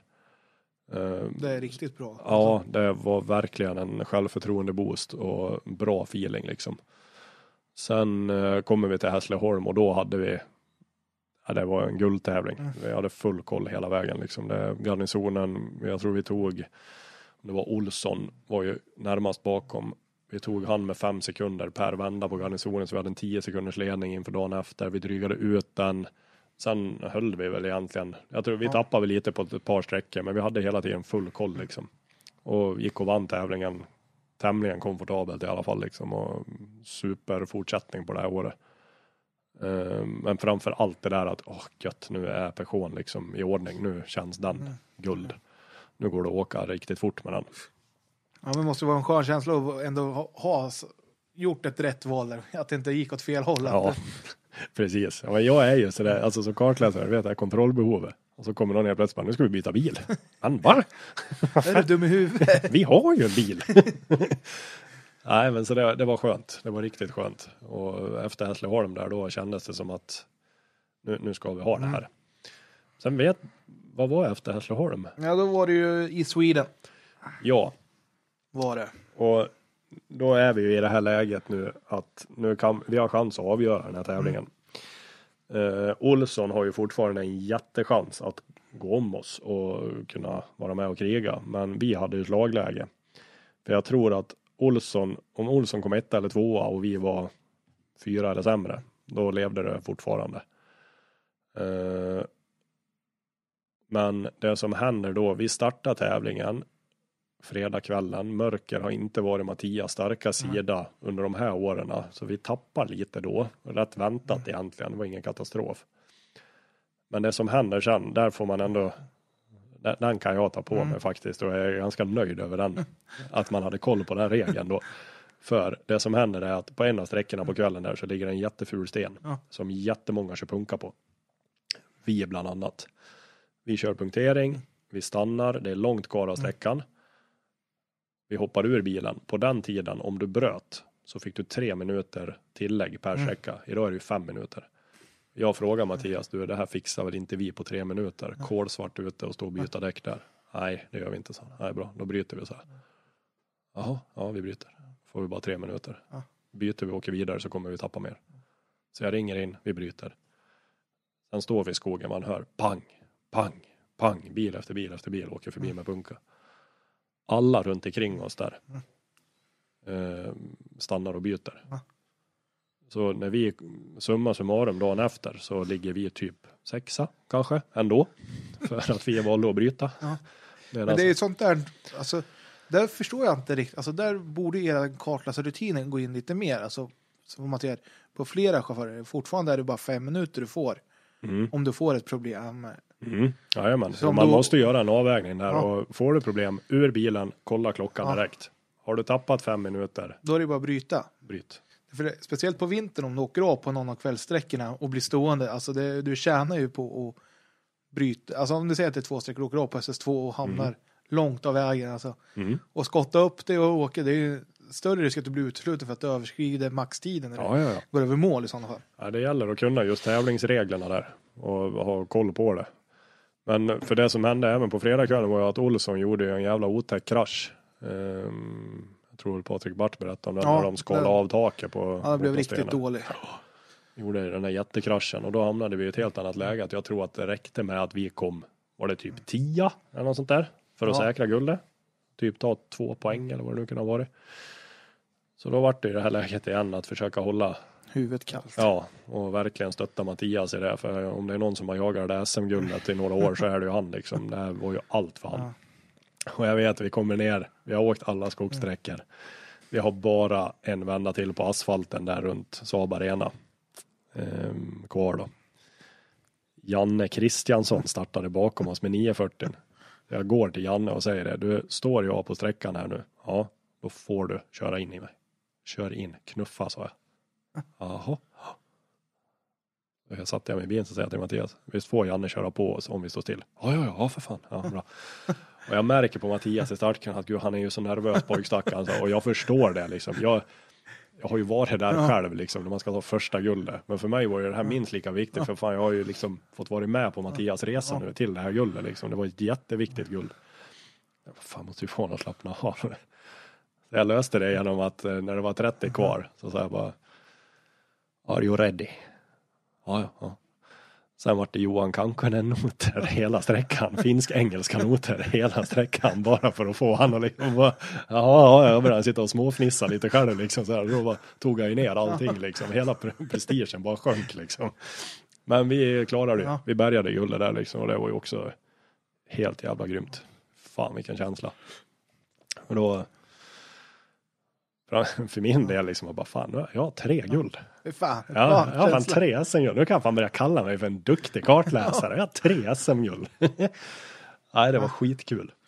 Ja, och sen bröt ni ju SM-finalen. Men hur var firandet där? Alltså Mattias, han, eh, han är ju rätt euforisk av sig också. Ja, jo, men han, eh, han var ju som en Duracell-kanin alltså. Det, Det, det var kul att se, men det var, nog, alltså det var för hela teamet, Ja. hela det där gänget. Ja, ni hörde ju hans, in, eller hans podd liksom, hur mycket han, Han har byggt upp det här och hur mycket folk som har varit med han och familjen och allting och att se hela det gänget var så jäkla glada liksom och det gav så himla mycket liksom och det var skitkul att fått varit med som sagt på den resan och hjälpt dem dit om man säger. Och Ja. lärt mig själv hur mycket som helst på vägen också såklart men framförallt det där att man ja fan det här, det här gjorde vi bra. Det här har vi gjort riktigt bra och jobba metodiskt och lugnt och inte överilat oss liksom. Så det, det var kul. Och Uppsala får vi av i. Men Ja. vi lyckades, för då var det ju ett JSM åka om också ja. Ja. Vi lyckades väl ta silver där. Jag tror det var Ricke Borgström och vi som hade fight om silver. Guldet var redan klart till Johan Karlsson igen. Men vi for av och Ricky bröt han också tror jag. Han också åkte av vägen eller hur det där var. Och så fick vi silvret ändå. Ja, vad skönt. Ja, ja skönt när saker och ting bara löser sig utan att man behöver göra någonting. Och sen åkte ni ner och åkte Lauswitch. Ja, fy fasiken. Det var en strultävling från början. Ja men herregud. Det är, det är jätte, det är skitfrän tävling. Alltså det, och det, de är fantastiska på att bjuda in oss svenskar och hjälpa oss där. Problemet är ju bara att det finns ju knappt någon som kan ett ord engelska. Och jag kan lite tyska från skolan. Men det där ligger ju liksom typ polska gränsen. Så det är ju ganska mycket polacker med och hjälper. Jag kan fan inte ett ord polska. Liksom. Det, det, det gick inte. Den enda som kunde dålig skolengelska. Det var ju förra kontakten som tur var. Så där kunde man ju få lite hjälp. Men du vet, allt där nere är ju det är kaos, alltså det är ingen ordning på någonting. Det är hej baberiba liksom. Parkfamén står vidöppen. Folk blir av med handskar och hjälmar i nattparkfamén där och det är liksom. Nej, vi fick lära oss verkligen den hårda vägen att ska vi åka här igen så då gäller det att ha en jäkla koll på grejerna och verkligen ja, ta det här som en VM-tävling för Ja. man måste hjälpa arrangören att få allting rätt också. Men eh, vägarna är ju sjuka. Alltså, det, där var jag med om en sån rolig grej då när vi står på starten inför en av kvällssträckorna. Vi har ljusbox på, hällregn. Jävlar vad det regnar. Jag har aldrig sett så mycket regn nere i det gruvområdet. Det går stora pipelines nere i gruvområdet. Som, det är väl vatten och allt jox i dem där. Vi kommer fram till startlinjen. Då får, ställer de bara fram en röd kon framför oss. Jaha. Är vi uteslutna eller vad betyder en röd kon liksom? Jag vinkar till med funktionären. Han sträcker in armen i bilen och tar mitt tidkort ur knät på mig bara så här. Sen går han bara, men hallå konen, vad är det som händer? Nej, det var ingen som liksom sa någonting. Sen till slut kommer det fram en gubbe som kunde lite engelska. Då säger han, det är en bil som har åkt av här inne och han har kört i den här pipelinen. Jaha. Eh, och pipelinen står och läcker vatten. Jaha. Är det mycket vatten? Nej, men vi vill inte att det ska rinna ut på vägen. Det hällregnar ute. Vad, vad spelar det för roll om det rinner ut lite mer vatten på vägen? Där står vi och får vattenfyllda spår. För att ingen rensar ju dem åt oss precis före som alla andra har. Bara, ah, det här blir ju spännande. Drar iväg, det spinner på femman liksom. Det finns inga fäste alls. Ja men fy fan. Och så kommer vi över ett stort jävla sprätthopp så här. Och när vi landar på fronten då släpper ett av extralyserna och lägger sig på huven och lyser rätt in i ögonen på mig. Han såg, jag såg inte ett skit. Ja, nej, jag har ingen aning. Jag är blind. Jag är blind. Och han åkte och nitade så här för att försöka bromsa ner lyset igen så att det skulle försvinna. Det gick ju inte. Passera ett vägbyte med typ 200 meter, då överdriver jag inte ens. Full makaron och liksom Nej du, undrar om- fan det var nog där ja. Bara nita. Vi hade ju ingen koll alls på vad det där vägbytet var. Såg ingenting. Kommer i mål på sträckan och är snabbast i 2VD med 18 sekunder. Bara, Jaha. Ja, ja. Vi behöver inte ta i mer nej. Nej, men det var en sån kaostävling. Åh, vad det hände grejer där. Ja. Men eh, vi bröt ju till slut. Det var en bromsskiva som släppte höger bak. Och sträckan vi skulle åka efteråt var jävligt lurig. Vi sa, fan det är dumt att chansa här. Blir det något task med bromsarna här inne? Det är ingen marginal. Träden växte nästan på vägen. Liksom. Det kommer smälla så fruktansvärt. Så vi valde att, nej vi chansar inte. Det är inte värt att skrota bilen. Så vi åkte hem. Tyvärr i ledning. Rätt så överlägsen ledning. Ja, Ja, det är ju tråkigt när man får bryta med tekniska bekymmer. det är skittråkigt.